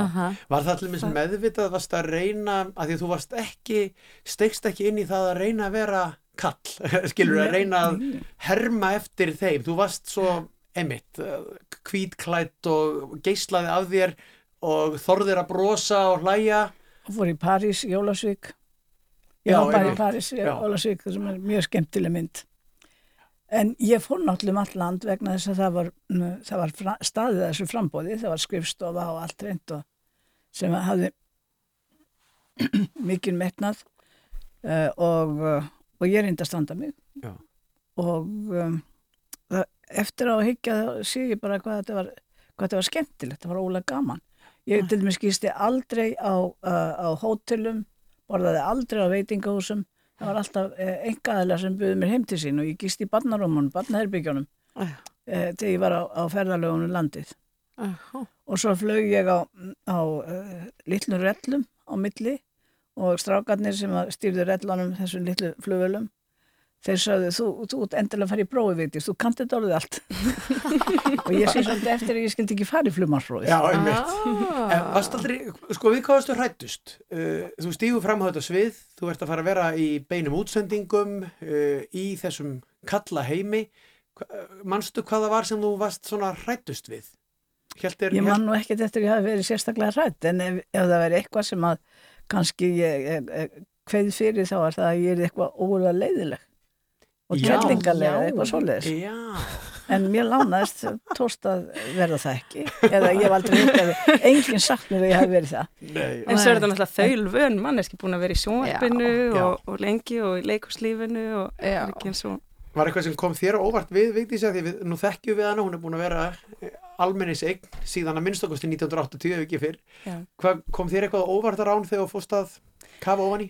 E, kannski ekki beint, þetta komur nei, kannski ekki beint á óvart, mér finnst náttúrulega bara gaman að sökka mér í þetta og læra um bæði hanna og hennar líf og, og hennar tíma hér á Íslandi en kannski það sem að mér finnst svona skemmtilegast var að, að það er allt annað að sjá fólk í myndum eða í myndböndum eða að lesa um það og hitta það síðan í eigin persóna, það er eitthvað svona Mm. auka auka upplýsingar sem maður fær bara Mm. ekki öðruvísi en að finna fyrir í þessu tilfelli hver annari Já.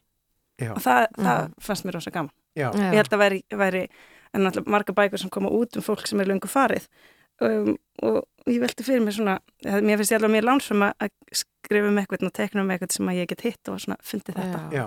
En Þú- sko veitist, það, það, mér finnst þetta, þetta er eiginlega ótrúlegt hvað hefur mikið gerst síðan þú ert kosin og þessi tími sem við erum að tala um.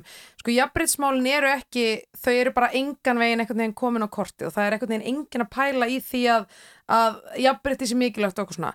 Hvenar, sko það náttúrulega hefur mjög mikil áhrif að þú sért kosin fósiti, en hvenar fyrir þetta svona raunverulega að breytast? Hvað finnst þér?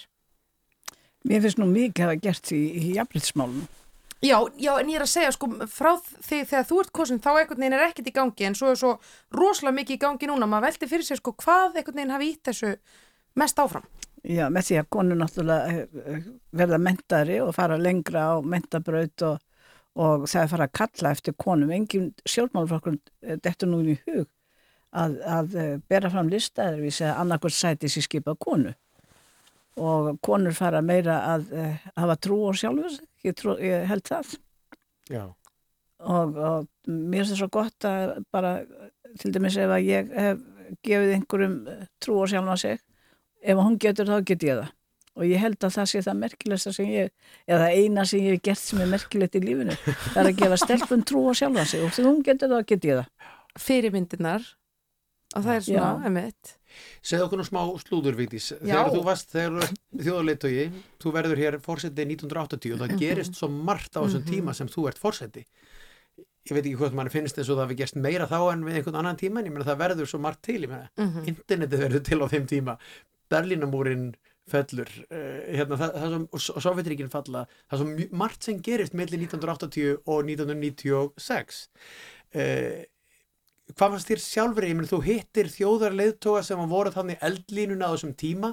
Segðu okkur aðeins hvernig það var eh, að, að hitta það, hvað töluðu þið um bak við tjöldin og, og hérna, hver var skemmtilegastur og, og hérna slúðraðan aðeins í okkur. Hver- hvernig var, hvernig var, hérna, hvernig var lífið hjá það þjóðar Það allara merkilegast var uh, fundurinn hér 1986 Já. þegar þið komu Reykján og Gorbásjóf og, uh, og það sem við spjöllum svona prívat og bak við tjöldin Reykján í, í stóra frakkanum að labba með mér út á túni og ég í ítalskri voðalega glæsir er kápur rauð og, og, og fín og vel greitt Mhm. og, og ég var alltaf að spurði í bandaríkjónum hvar fekk hann frakkan af því hann var alltaf stór á hann. Frakkin náði alveg fram á fingugóma svona, loð, með loðkraga. Já, um Va, En- var þetta hans frakki? Nei, nei, ekki, halda, halda margir hann að fengi hann á bestu en Já. það, var engin svona frækki til á bestu ég á enga, átt engan gall. Og, og hann, hann, hann lítur að fengið hann í sendir á þennu en það er ótal ótal uh, aðilar í uh, Ameríku sem hafa spurt mig hvar fekk hann frakkan en þetta var mjög skemmtild alls saman og uh, við uh, tölum bara um heim og geima og náttúrulega mikið um Ísland. Ég var auðvitað þarna bara til að kynna Ísland. Og uh, ég spurði Gorba, Gorbasjöf að því akkur hann ekki, hann hafði tólk með sér?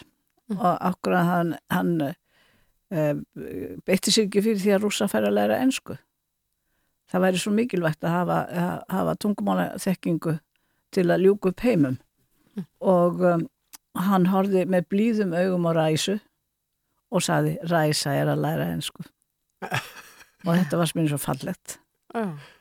og ræsa var með honum alltaf. Og, en, en Nancy. Reig, Nancy. Reagan kom ekki. Já, já. og hún sá alltaf eftir í Nancy. Hitt hana setna í, í brúðköpi já þegar að Díana og, eða var það á undan, ég man ekki hvort er.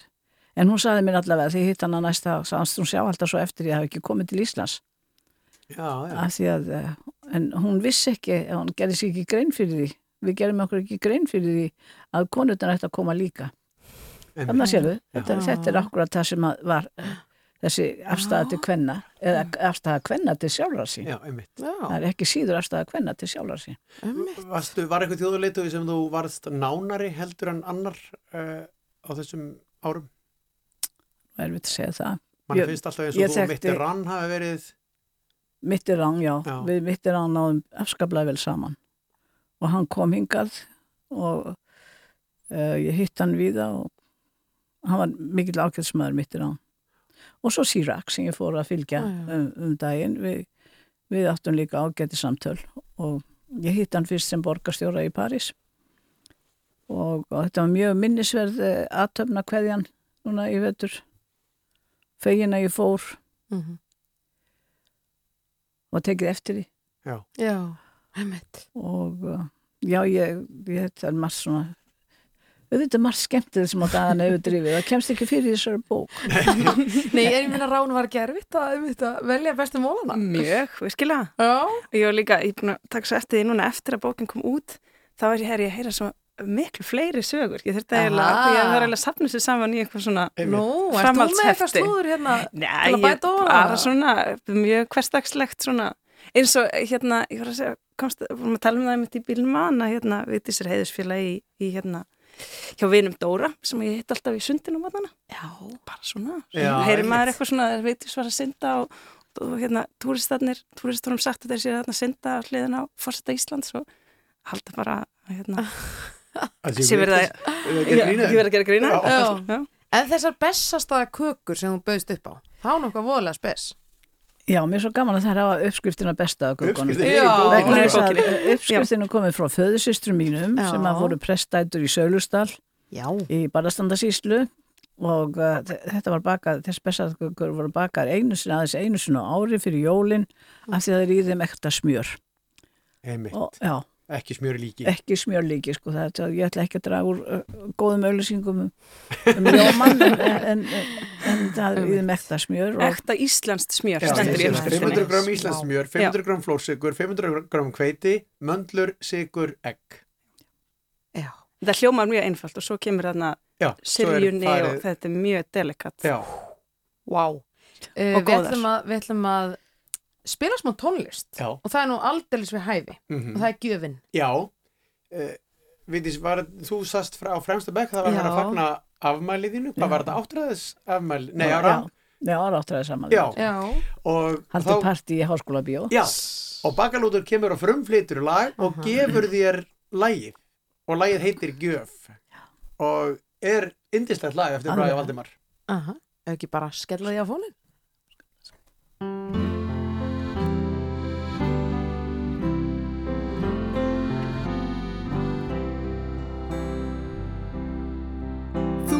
Þú næstum allt sem ég á. Mína ást, mína trú, mína von, mína þrá Ég þarf eitt aðeins eitt fyrir mig. Eina einustu minningum þig. Þetta eitt, það er allt, það er allt sem ég vil Það er allt sem ég þarf frá þér.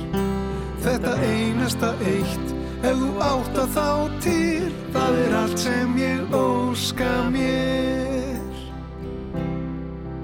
Þessi þjóð sem af þér er svo kær Hvernig þakkar hún allan þann styrk sem hún fær Alla ást þín og ómældu trú. Og eins að þú sért bara þú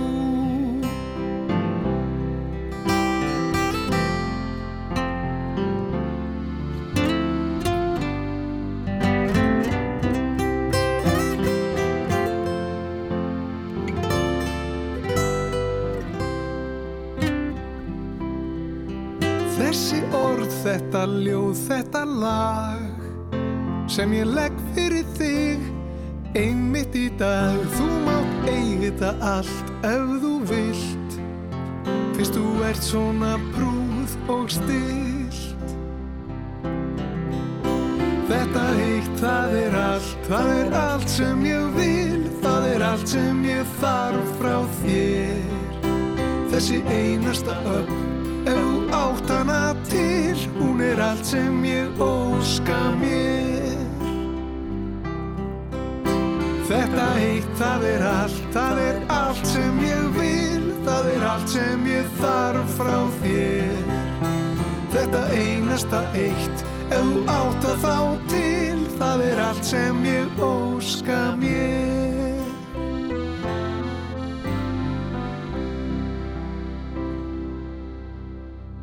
Rástvö Í hátíðarskapi Já, við erum aldrei í hátíðarskapi. Já, við erum það. Það er bara þannig.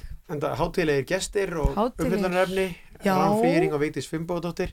Í, í bókinni, eh, Rán, er hérna, uh, er mynd, bara næstu í teikning af húsi sem að Vigdís bjói á Ásvallagutu. Já, næstum því tekning. Já, það er að segja þetta er teikning, en þá meina ég arkitektateikning. Nei, einmitt, já. En það er arkitektatdóttir. Jú, jú. Uh, og er rosalega fallega opna. Eh, Hérna, ég, ég, ég er að lifta bókinu Já. upp og sína hana, það virkar ekki mjög vel í útarpi. Minna, sko. En. Já, en er þetta, er, er þetta bara húsið sjálft sem að Vigdís bjó í? Þetta er húsið sjálft, Já. já.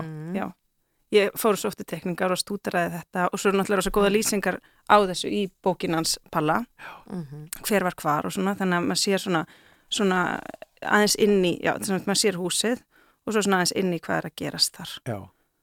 Þetta, Vigdís, þetta er eiginlega, þú flyttur eiginlega inn í til til að nýtt hverfi, er það ekki með? Alveg, þeir voru alveg, alveg ný fluttum við í húsið þegar rétt þetta var að byggt bara. Já. Og þetta er svona ásvallagötu alveg niður undir Vesturbæðaskóla. Já, Já. það er næst, næst þess að húsið þar, í- þar í göttunni. Var þetta ekki bara töluvert út úr bænum eða þannig? Ekki segið það og búið að byggja verkamannabústæðina. Já. Þetta er í beinu framhaldi af þeim Já. sem við göttum verkó. Já. Og strákarnir í verkó voru stundur svolítið að rekja okkur. Nú, nú. Er, Eða við létum svo sem, en þeim þótti svo merkilegt strákunum í verkó. Þeim þótti svo merkilegt honum, honum uh, hérna, Gvendi Jaka til dæmis, hann var í verkó. Já. Þeim þótti svo merkilegt að það var stígi, það var, það var stígi inn í húsinu hjá okkur. Þetta er allt íbúðir í verkó. Einmitt.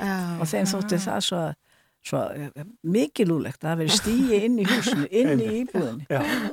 Segð mér eitt af því að núna hérna, bæði í þessu, við vorum að ræða hérna þessum dag- áðan við, við Björg bæði út á óveðrinu þar sem það er ramaslust fyrir norðan og svona þá Egil Helgason var að segja í gær í vikunni að það væri bara eiginlega tvær þjóðir í þessu landi og það eru þetta svona mikil, mikið umtal núna um svona, hvað var að segja, núning eða pyrring eða eitthvað milli landsbyðarinnar og, og höfuborgarinnar eh, var, var þetta þarna líka, ég er að hugsa þegar þú ert kjörin og þegar þú ert forseti, verandi úr bara vestast í vesturbænum en alltaf upplýði ég því sem sko hérna manneski sem að leið hverki betur en út á landi. Eh, manstu eitthvað eftir því að því hafi verið að, að það hafi verið notað gegn þér, heyrðu, hún nú bara hún er nú bara af mölinu þessi og veit ekkit hvernig alvöru fólk vinnur, bara búin að vera í leikhúsinu og eitthvað svona. Nei, ég var svo heppin að ég var búin að vera í, í, í sveit á sama staðnum uh, í öll þessu sömur og þar er frænd fólk mitt og Mm. fólk sem ég þykir mjög væntum og ég bara hitti enn og ég gæti tala við allar bændur í landinu og svo uh, kynnti ég mér sjómennskuna svo lesi ég gæti líka tala við sjómenn Já. og, og það gerði þetta gæfum munin Já. ég hafði alveg uh, getur til að tala um heifeng til dæmis Já. hvað, þyrfti að komast í hlöðu Já. og ég hafði líka vita því að spyrja sjómenn uh, að þeir stóðu nú svo með mér Já, já. og akkur, ég spyrja sjómenn um, uh, og, og segja þeim frá abla og ég kynnti mér það auðvitað en akkur stóðu sjómenn svo með mér og þetta fræga skeiti Akkurat. og það er því sjómenn vita nákvæmlega hvað konur geta þær sjáum allt á meðan þeir eru í burtu og, og þeir meta konuna svo mikið ég hef aldrei Ah. hýrt uh, uh, nokkur Íslending tala eins fallegum konur eins og sjómennin tala um konur ég hef lustað út á sviðtölu þeir tala svo fallegum konur af því að þeir vita hvað konan gerir og getur í landi hún er allt í landi hún er Ah. fjálmarar á þeirran hún er, hún er, uh, hún er uppbylsaðilinn og hún, uh, hún sér um allt Já, Já, frangöndastjórin bara yfir Já. öllu. Já. Já, sko það var nefnilega eitt, þú varst á þarna heimstingi um daginn hérna í hörpu og þú, það var smá viðtalsbúti við þig þar sem þú varst að tala um þetta að kallmenn væri hrættir við greind kvenna. Mér varst þetta aldrei áhugavert hérna, svona áhugaveru punktur frá þér. Hvað getur aðeins útskýrt svona betur hvað þú átti við? Já, ég er nú eiginlega, að- ég er nú orðið svo aldunni en að ég er að bakka aftur í tíma þegar ég, þegar ég segi þetta, það er ekkert út í bláin að kallmenn hafa, eða konur hafa ekki komist upp á dekk svo mikið fyrir en sendum síðir. Og þetta heitir nú að fransku sérsilega fam, hvað er konan, ef að, kallið dettur eitthvað sniðut í huga, gerir eitthvað flott, þá, þá eiga frakkandi þetta, þetta orðaðiltæki, sérsilega fam, hvað er konan. Mm. Og byrju, En það var bara, það var bara, það var ekkert í siðs, konan átti að vera uh, svona uh, eftirbátur kalla. Af því hún hafði ekki beitt sér svo mikið í, þjóðfélaginu. En það væri, það væri, vafa, það væri vafa, vafasamt að væri byggð kirkja á landinu ef ekki hefði verið til. Um mitt. Út um allt land. Mhm. Já. Kvenfélugin uh, unnu í þögl og þólumæði að, uh, að velferð uh, uh, hvað var að segja bara þéttbyggðar og, og, og dreif, dreifbílisins Mhm, mhm. og en það var bara sko ég er náttúrulega orðin aldurníin, ég er 89 ára og ég, ég mann tíman að tefna svo, svo, svo gríðarlega mikið í þessu Já, já. konur voru í mannúðarfélögum og, og, og ég var mjög vörfið það hjá móðu minni til dæmis og um, og föðursystur mín því hvem fólki sem ég ólst upp með Mhm. mannúðarfélög En ekki í þessum, eins og þú varst að segja.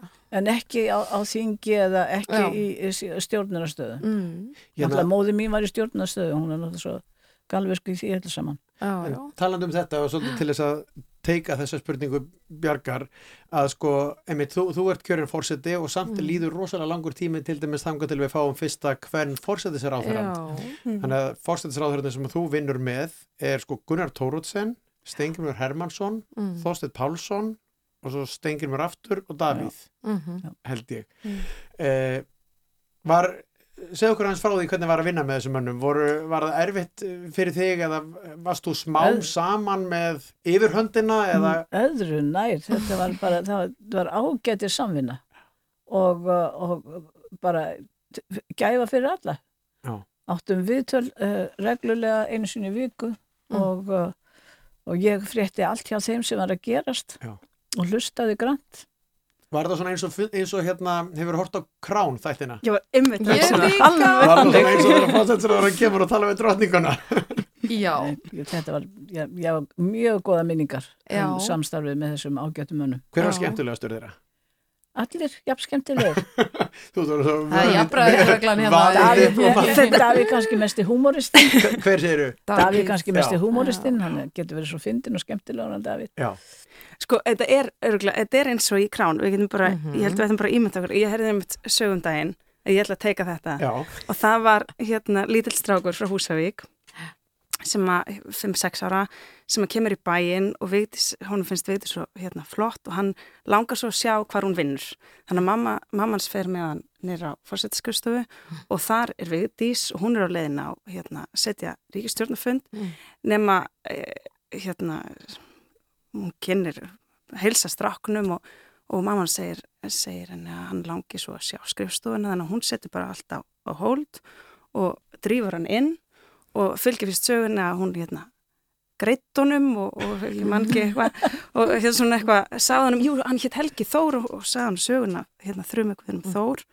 Og svo fær hann túr hann með skrifstofuna og kemur síðan fram og þar er akkurat blaðamaður sem að tók smelt af mynd og spyr svo strákin e, hvernig, hvernig var svo skrifstofan og hann sér, það var allt úr gullið þarna inni. Nákvæmlega eins og í The Crown. Já, þannig erum við komið með sögursvið algjörlega og einmitt, algjörlega. Þetta er, þetta er magnað. Já. þetta er magnað. En þessi er hérna, þessi sko pólitík, uh, af því að þegar þú ert, já ég veit ekki hvort að við erum að segja að, að, að ég meina fórsetambandi breytist mjög mikið eftir að þú hættir þar og ég ætla ekki að fá þú til þess að vera eitthvað að, að gefa palladóma um eftirmenni þína, ég veit þú gera það ekki, uh, en hérna, en, en þér var mikið mun að halda pólitíkinni út úr þessu. Uh, var það erfitt, ég meina að því að nú eru kannski einhverjir stöðnismenn þínir, ég meina til dæmis í flugfreyju verkvallinu sem eru auðvitað þekkt mál á þínum ferli þá eru sko, finnst konum eins og að eins og að þær er tilkall til þess að þú beitir þér pólitíst fannst þér erfitt að Ég gerði það einu rétta. Já, í, í flugfröðuverkallinu. Já. Ég, eh, ég var búin að spyrja Ólaf Jóhannesson að því, eh, prófessor í lögum, ja, nágranna minn, hvað ger ég ef ég er upp með að skrifa undir lög? Mm. Og þá segir hann, þú, til, þú kallar á fórstisöðara. Já. Og ég gerði það þess, í þessu, þetta þegar þessi flugfröðulög, átti að stjæta á lögbann, ætlaði að fara í verkfall. Og ég gerði þar og Haldur Áskrinsson var fórstisöðara í staðan fyrir Stengur sem fari í burtu, Stengum Hermansson og uh, ég legg þetta fyrir Haldur í hádeginu og hann segir það er ekki hægt það er búið að samþykja þetta og það er ekki hægt að breyta því bannað að breyta Já, það er bara, og, og þá byrði ég bara róleg, þetta var á kvennafrít, þetta var að verða að minnast kvennafrítasins. Mm. Akkurat á að versta degi sem hættur að hugsa sér. Mm. Og þá byrði ég fram yfir hádegisréttir undir að skrifa undir lögin. Já. Og það var svona, það er eitt svona eitt af þeim, eitt af þeim fáu klóku þing uh, hlutum sem ég hef uh, gert um aðvina. að býða þannig að þær fóru og heldu upp á kvennafrítaginn og hundru kvennan er í miðbæ. Já á þess að vita að ég hefði orðið að skrifa undir flugfriðaverkefni. Einmitt. En þá var það búið að koma í fréttum sko að, að, um, að verkvalls, verkvalli væri komið suður eftir löginu verkvallið, átt að setja bráðabæra lög, Mhm. að þau væri komið sér á bestæði. En ekki búið- beið- ekki búið að nei, skrifa? Nei, Já. ég beið þeir, þeir, komið sér á bestæði klukk, fyrir nýju um morgunin Já. með lögin og ég beið bara róleg, þangar til að hátegisrétti væri leinar. Þetta er eitt af því fáa sem ég gert sem ég finnst núna mjög klókt. En var eitthvað svona, hvað er svona eftirminnilegast á öllum þessum árum, ég meina þú sast í 16 ára, það er langur tími hvað er svona, ég meina er eitthvað sem þú svona hugsar um aftur og aftur Já, því er nú auðsvara. Það eru slísin á flateri og það eru bara slísin í landinu. Já, emmitt Það því við flugum þarna vestur á flateri strax Já. til að sína samstöðu. Davíð Oddsson og ég, hann og þá fórstræðar. Já, Og það er svo, það er svo greift í minnið að ég gleymi því aldrei. aldrei. Mann það alltaf því kem einhverstað nálagt vestfjörðu. Fer ég gegnum það. Já. Þessi hræðilegu slís á, á flateri og í Súðavík. einmitt. Það, það er kannski ekkert skemmtilegt að vera að segja frá því að maður nei, muni en það sem, muni það sem er, er, er, er, er sárt en maður mann líka gleðistundirnar og, já, já, og margt mjög skemmtilegt, skemmtilegt að kynna, kynna spötnum, skemmtilegt að gróðursetja. Já. og ég, og það er svo merkilegt að því fór að gróðursetja svona með krökkunum þá var ég alltaf að hugsa um að binda landið ég var ekki að hugsa um að þetta veri, þetta veri uh, gott fyrir kolefni í loftinu, ég var bara ég, Mhm. ég var fyrst og fremst að hugsa um að binda landið af því landið var að fjúka burt Já. og út úr þessu var þessi mikla gróðursetningar vakning Mhm. allir vilja hafa tré og, og það eiga að vera tré líka Mhm. eða það se- stendur í eh, landnáma Íslandi hafi verið viði vaksi eða ekki Jú, fjöru, eða ekki? ekki? Já. og öll erum við það bara Já. í barnaskóla Heldur það sé rétt? Já, ég hugsa að annars væri ekki til svona mikið holtum Einmitt. Nafnið Ah, holt mm. það eru auðvitað holts það er, það er holt oftur í holti heyrandi nær Aha. það er oftur í skóginum heyrandi nær maður sér hann ekki Aha. og uh, og það er mjög gott það er, núna vi, vitum við hvað það gerir fyrir andrúsloftið og Já. við Já, vitum það bindur landi líka og, heldur betur og svo er svo er gaman fyrir uh, æskun og ungt fólk að sjá uh, sín handarverk vaksa Já. Og það var svo gaman í, í, gamla dag þegar við vorum að þessu krakkarnir eh, bara þy- þy- þyrftust í kringum mig að fá að gróðusetja með mér. Mhm. og þegar vorum að þrjú, tre, eitt fyrir stelpunar og eitt fyrir strákana, strákandi gróðusetja eitt fyrir eh, stelpunar stelpur fyrir strákana og svo bæði fyrir ófættu börnin. Og einu sinni kom strák, stundi strákur upp æj, æj, hún mamma ætlar ekki að eiga fleiri börn En hérna, Jæja, Rán, já, við já. fyrir nú að ljúka þessu en Já. sko er þetta ekki, þú hefur uh, teiknað í fullt af bókum bæði teiknaði bækur eftir aðra og Já. svo hefur verið með höfundur þar sem að, þar sem að þitt framlega kannski fyrst og fremst hvað við segja, myndræn framsetning á öllu teikningar og þess áttar Já, framsetninga, já, frásögn. frásögn, já, Frásögn, já. en er þetta ekki fyrsta bókin sem að þú gerir algjörlega ein? Jú. Já, bæði textan og myndirnar Jú, allavega svona opinberlega útgefin. Já, útgefin, já. já. Eh, er það ekki bara skemmtileg tilfinning að vera, þetta nú valin besta barnabókin, þó svo að við Björg vorum að segja, hún er Mhm. ekkit endilega bara fyrir börn, Nei, af alls bóksölum ekki. núna á dögunum. Jú, já. Er ekki aldrei gaman að vera hérna svona mikið í flóðinu mikla? Jú, það er gaman, mér finnst líka alltaf gaman að vera í teimi og með einhverjum. Já. En, en það er, jú, það er svolítið öðruvísi að vera hérna einn og þá fer maður bara einn og sjálfur í allar áriðnafnir og upplestra og svo leiðis. Já. Mhm. Og bara bæði gaman. Já, nema þú ert með góðan hérna, Einmitt, svo ert er það annað, þegar maður er með svona gott viðfangsefni það sagði eitthvað við með þetta, er eins og að elda með góðu ráefni þá er svona kannski aðeins meiri pressa en, en hérna það er samt einhvern veginn erfiðar kannski að klikka getur eða ekki svoleiðis einmitt. ég, er- ég er sem sagt feskur fiskur. Ísland, eða Íslands smjör eða eitthvað. Að betri fiskur í raspi Vigdís Fimbadóttir er ferskur fiskur í raspi Já, Verði, hvað ætli þið að hafa í Góð mál. jólamatinn ef við má spyrja að lókum?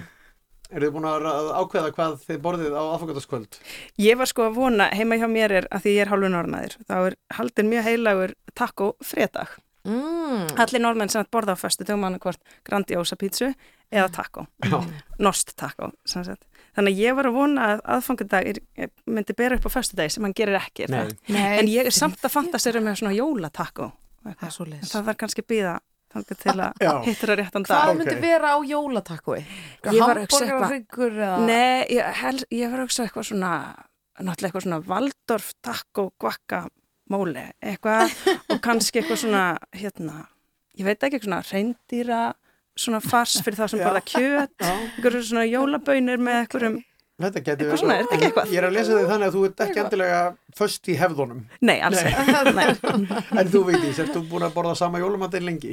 Já, það er alltaf rjúpur og hangikjötar. Það er alltaf rjúpur og hangikjöt. og hangikjötar, þeir sem ekki vilja rjúpur það villum svo til einhverju fjölskyldur hjá mér vill ekki rjúpur þá bara fá þeir hangikjöt eða Já. nei, hambúrgarrygg, þá ekki segja hangikjöt þá segja hambúrgarrygg Já, það er Það veit Það svo það. já, Já. gott mál, mikið var En þú ert ekki búin að spyrja, ertu búin að segja, eru búin að tala um hvað er skemmtilegasta myndin í bókinni? Nei. Er það ekki það. Östurvöldfrinn eða?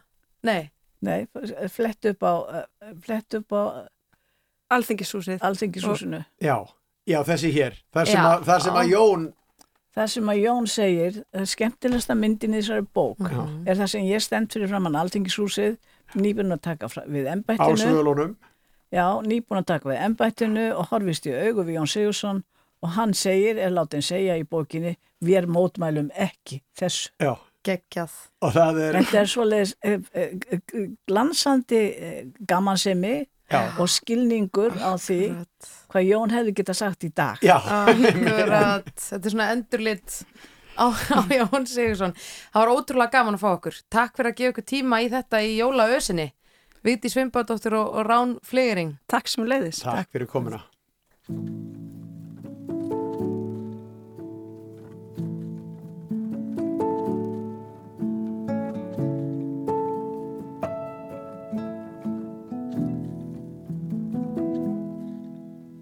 Það er náttúru lykt í náttmyrkriðinu, það er nokkuð aukt á veginum.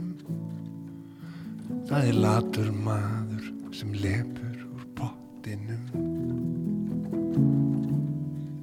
Það er ilmur af brauði og brendum sigri þessa brandi í essens í staup inn í ónefndu húsi aftast í innbænum.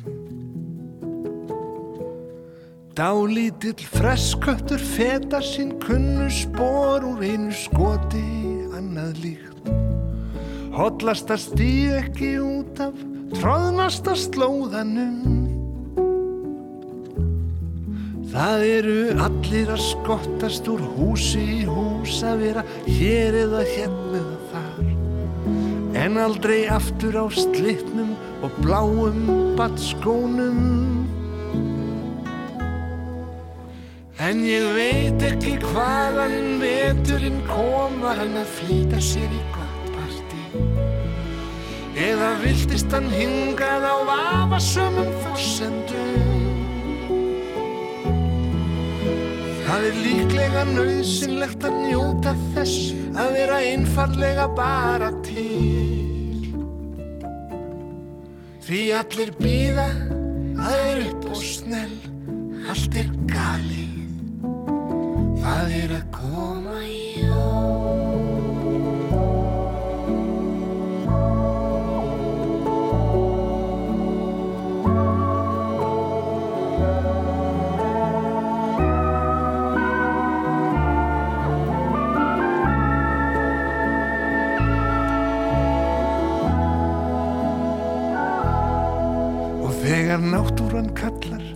ekki nokkur býð þó það sé nöðsynlegt að fá sér smók. Hvort sem nákvæmlega eða sirka bát ert alveg klár. Þér er ætlað að hoppa, þá hoppir þú út á hafið eða inn í skáp. Það er ekkert stress, þú hefur allaveg út Og kissi finnur sig þessum fáráða tíma þá er fristiklistan tæmar smá og feta sig fram og aftur sína tróðnu braut. Og allir skreppa upp já eða springa út og eru annarkvort hér eða þar.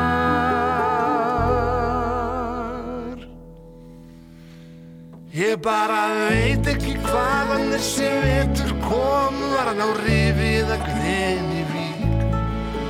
Kanski viltist hann söður eftir stelp úr Keflavík. En það er bókstaflega banalt að gera nokkuð Nema hugsanlega vera til. Því það er nægur tími, það er notalegt Það er kósi, það er komin It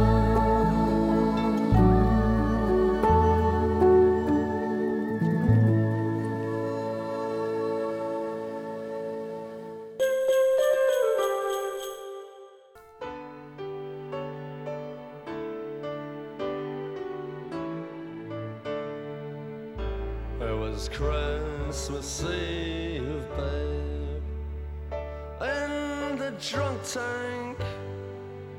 An old man said to me, Won't see another one. And then he sang a song, the rare old mountain tune. I turned my face away and dreamed about you. Got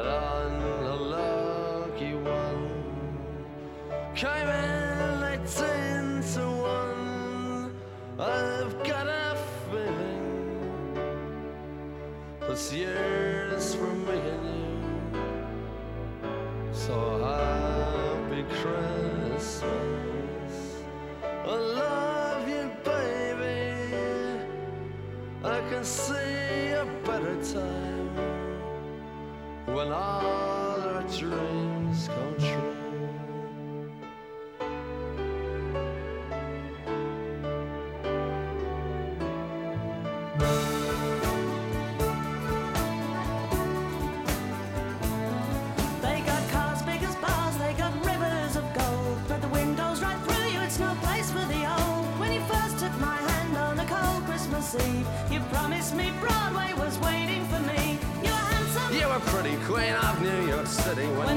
Finished playing, they held out for more. Sinatra was swinging, all the drunk they were singing. We kissed on the corner, then danced through the night. The boys of the NYPD choir were singing, Go Away Babe. And the bells were ringing out for Christmas Day.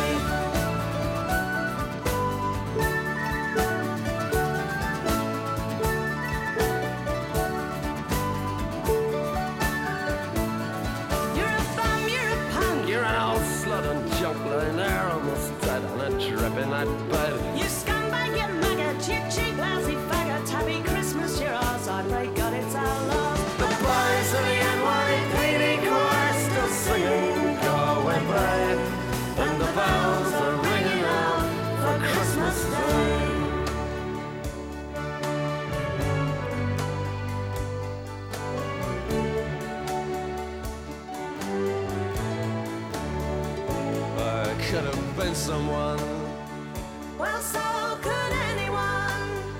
You took my dreams from me when I first found you. I kept them with me, babe. I put them with my own.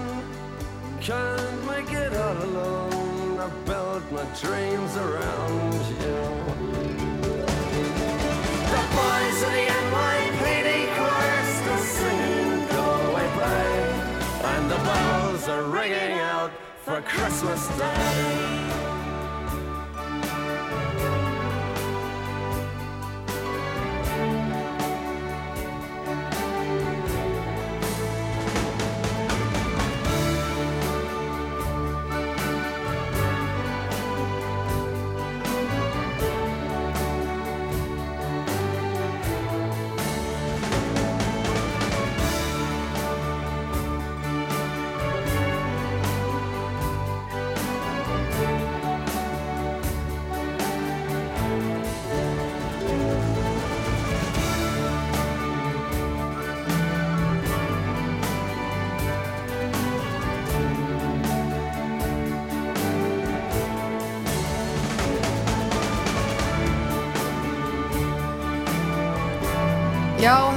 Eitt af þessum þekktu ástsælu jólalögum fyrir Tale of New York Já, og það er það er eins og þannig að veikur um jólin hjá Hipsum Haps, það er svona Mhm. ákveðin þráður í, í, í Mhm. jólalaga súpunni mm. sem að er þessi þessi ömurlegu jól Já. eða svona, Já. já, Svona, hvernig myndum maður segja svona gloomy, svona, Já, svona drungi og dimma Já, já. og einhver svona drungi í desember dagskíman föls og skelving lítil er eða eitthvað, er ekki, þetta er eftir minni Akkurat. Sko, næsta lag er nú svona, ég myndi kannski svona henda þessu þarna á þennan básinn, sko. Það er eitthvað svona smá, nei, hvernig? Þetta er ekki peppasti titill sem ég veit um Gísli Marteinn, þetta er hann Helgi Björs. Ef ég nenni. Já, Já er það það er einmitt, sko, þannig ertu með einhvern mann sem að er eh, hugsanlega með allt niður um sig. Hugsanlega. Hugsanlega. Og hann í staðan fyrir að hugsa þetta upp á við og svona, Mm. ég ætla bara að gera vel við hérna konuna sem ég elska. Mhm. þá er svona einhver eh, já, já, er eitthvað. ef ég nenni. Æ, ef ég nenni, e, þú veist, já, þetta er ræðileg skilabóð. svo skemmtilega sungið hjá Helga já, já. að þetta ég held að það sé ekkert jólalag sem skiptir þjóðinni jafn vel í tvær fylkingar mm. annarkvort þóla menn ekki þetta lag Mhm. eða þetta er í algjör uppáhaldi Bæn. þetta er mín kenning Heyrum það og tökum ástöðu.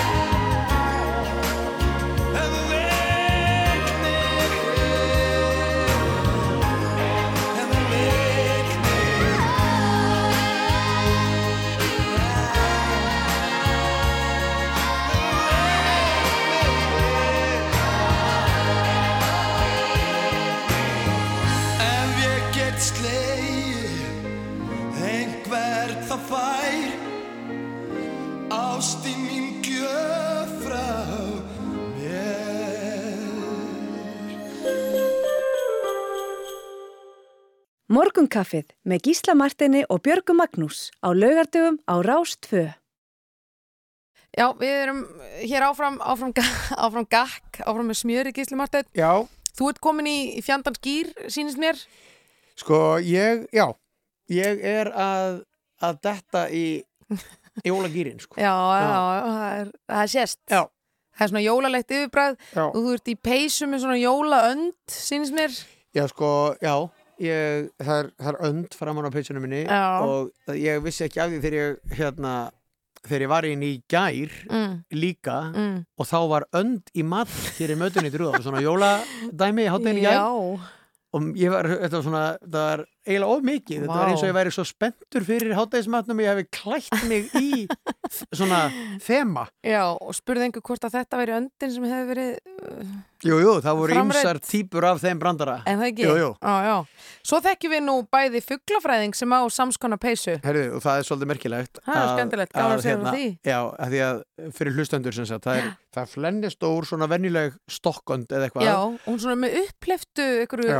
Já, og þetta er peysa sem ég kefti þessi bara í einhverju búð Já, í já. Lundunum Lundunum. Það sem ég, við vala voru þar Mhm. uh, í janúar og ég verið með eitthvað að þvælast og ég detti inn í einhverju búð og sé þetta og mér finnst þetta sniðut, svona Já. eitthvað Reykjavíkur tjörn og eitthvað svona stemning í þessu Mhm. Nefnum svo hitti ég mann sem er fuglafræðingur og hann á eins peysu Eru ekki að tala um mann sem við bæðið þekkjum? Jú. Já, Einmitt. á eins peysu sem sagt og hérna og hann sagði mig, ég sagði, heyrðu, ég á svona peysu líka Já. hann sagði, ég veit og ég sagði, "Ke- hvar kefti þú þínu? Kefti mína í London hann sagði, ég veit, ég líka ég kefti mína í London sama dag og þú keftir þína í sömu búð og hann vissi þetta held ég út af einhverju Instagram story eða eitthvað Bang. en það er mjög fyndið við, höfum báður svona peysu Já. og við þekkjumst ekki neitt Nei. og höfum, höfum keft hann sem sagt sama dag í sömu búð Það er alltaf magnað.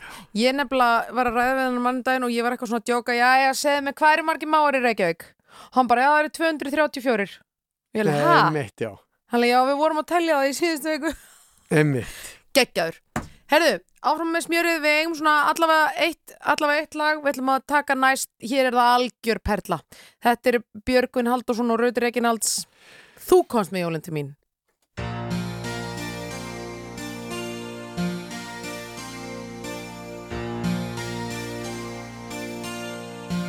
Ég trúi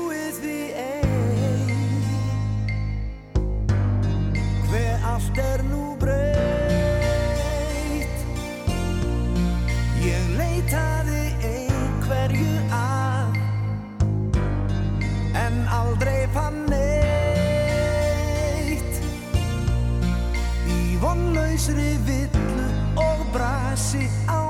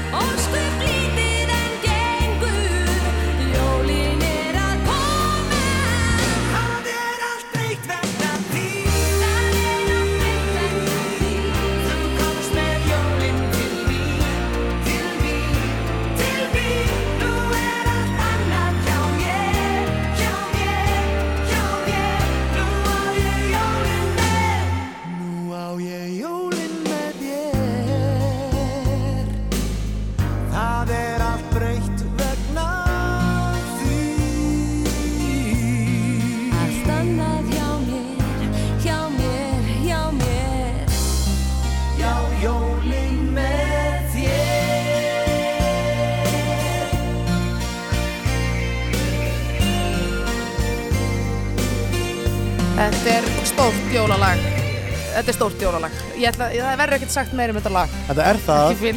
En þetta er þó ekki jafn stórt og lokalag þáttarins Býtu nú við Sko lokalag þáttarins við, við spilum það hérna um jólin í fyrra líka en það er eiginlega ekki hægt annað sko, það er eiginlega ekki hægt að halda jól öðruvís en að hafa þetta lag í gangi en við ætlum áður en við spilum það þá ætlum við að kveðja Mhm.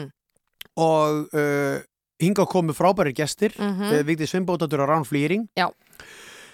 Uh, og bara ótrúlega maður er bara svolítið alltaf hérna já, ég veit ekki hvað að segja, bara hérna ekki snortinn eða upp með sér bara að, að hitta Já. Vigdísi og auðvitað Rán líka en ef við eh, hérna látum það leikjum með hluta því að hún er bara, þetta er svo, bara hún er svo stór lyftir manneska í okkar lífi Já. Hún veitís, hún er einhvern veginn bara með þannig nærveru Já. gerir allt, gerir allt aðeins betra og það er komið hingað saman Já, uh, já. Rittöfundurinn og viðfóngsamni bókarinnar og Nákvæmlega. voru skemmtilegar og við erum búin að spila engöngu jólalög í svo Já. þætti fyrir utan tvö lög sem fjölluðu bæði um Vigdísi Aha. og við endum, kæra Björg, ekki satt á Maríu Carey Ójú og það er einhver mesti jóla ég veit ekki bara hérna banger svo ég bara hérna móðgifrú Vigdísi með, með uh, ennsku slettu sem að maður veitum Aha. þetta er Maria Carey All I Want for Christmas og með því kveðju við Björg Magnúsdóttir Aha. og við heyrjumst eftir viku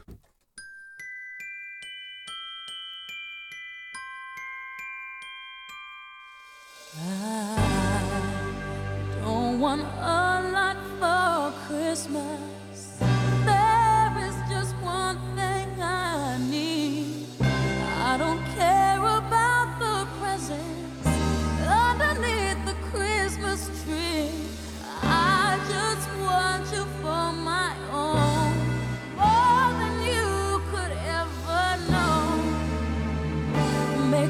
Make my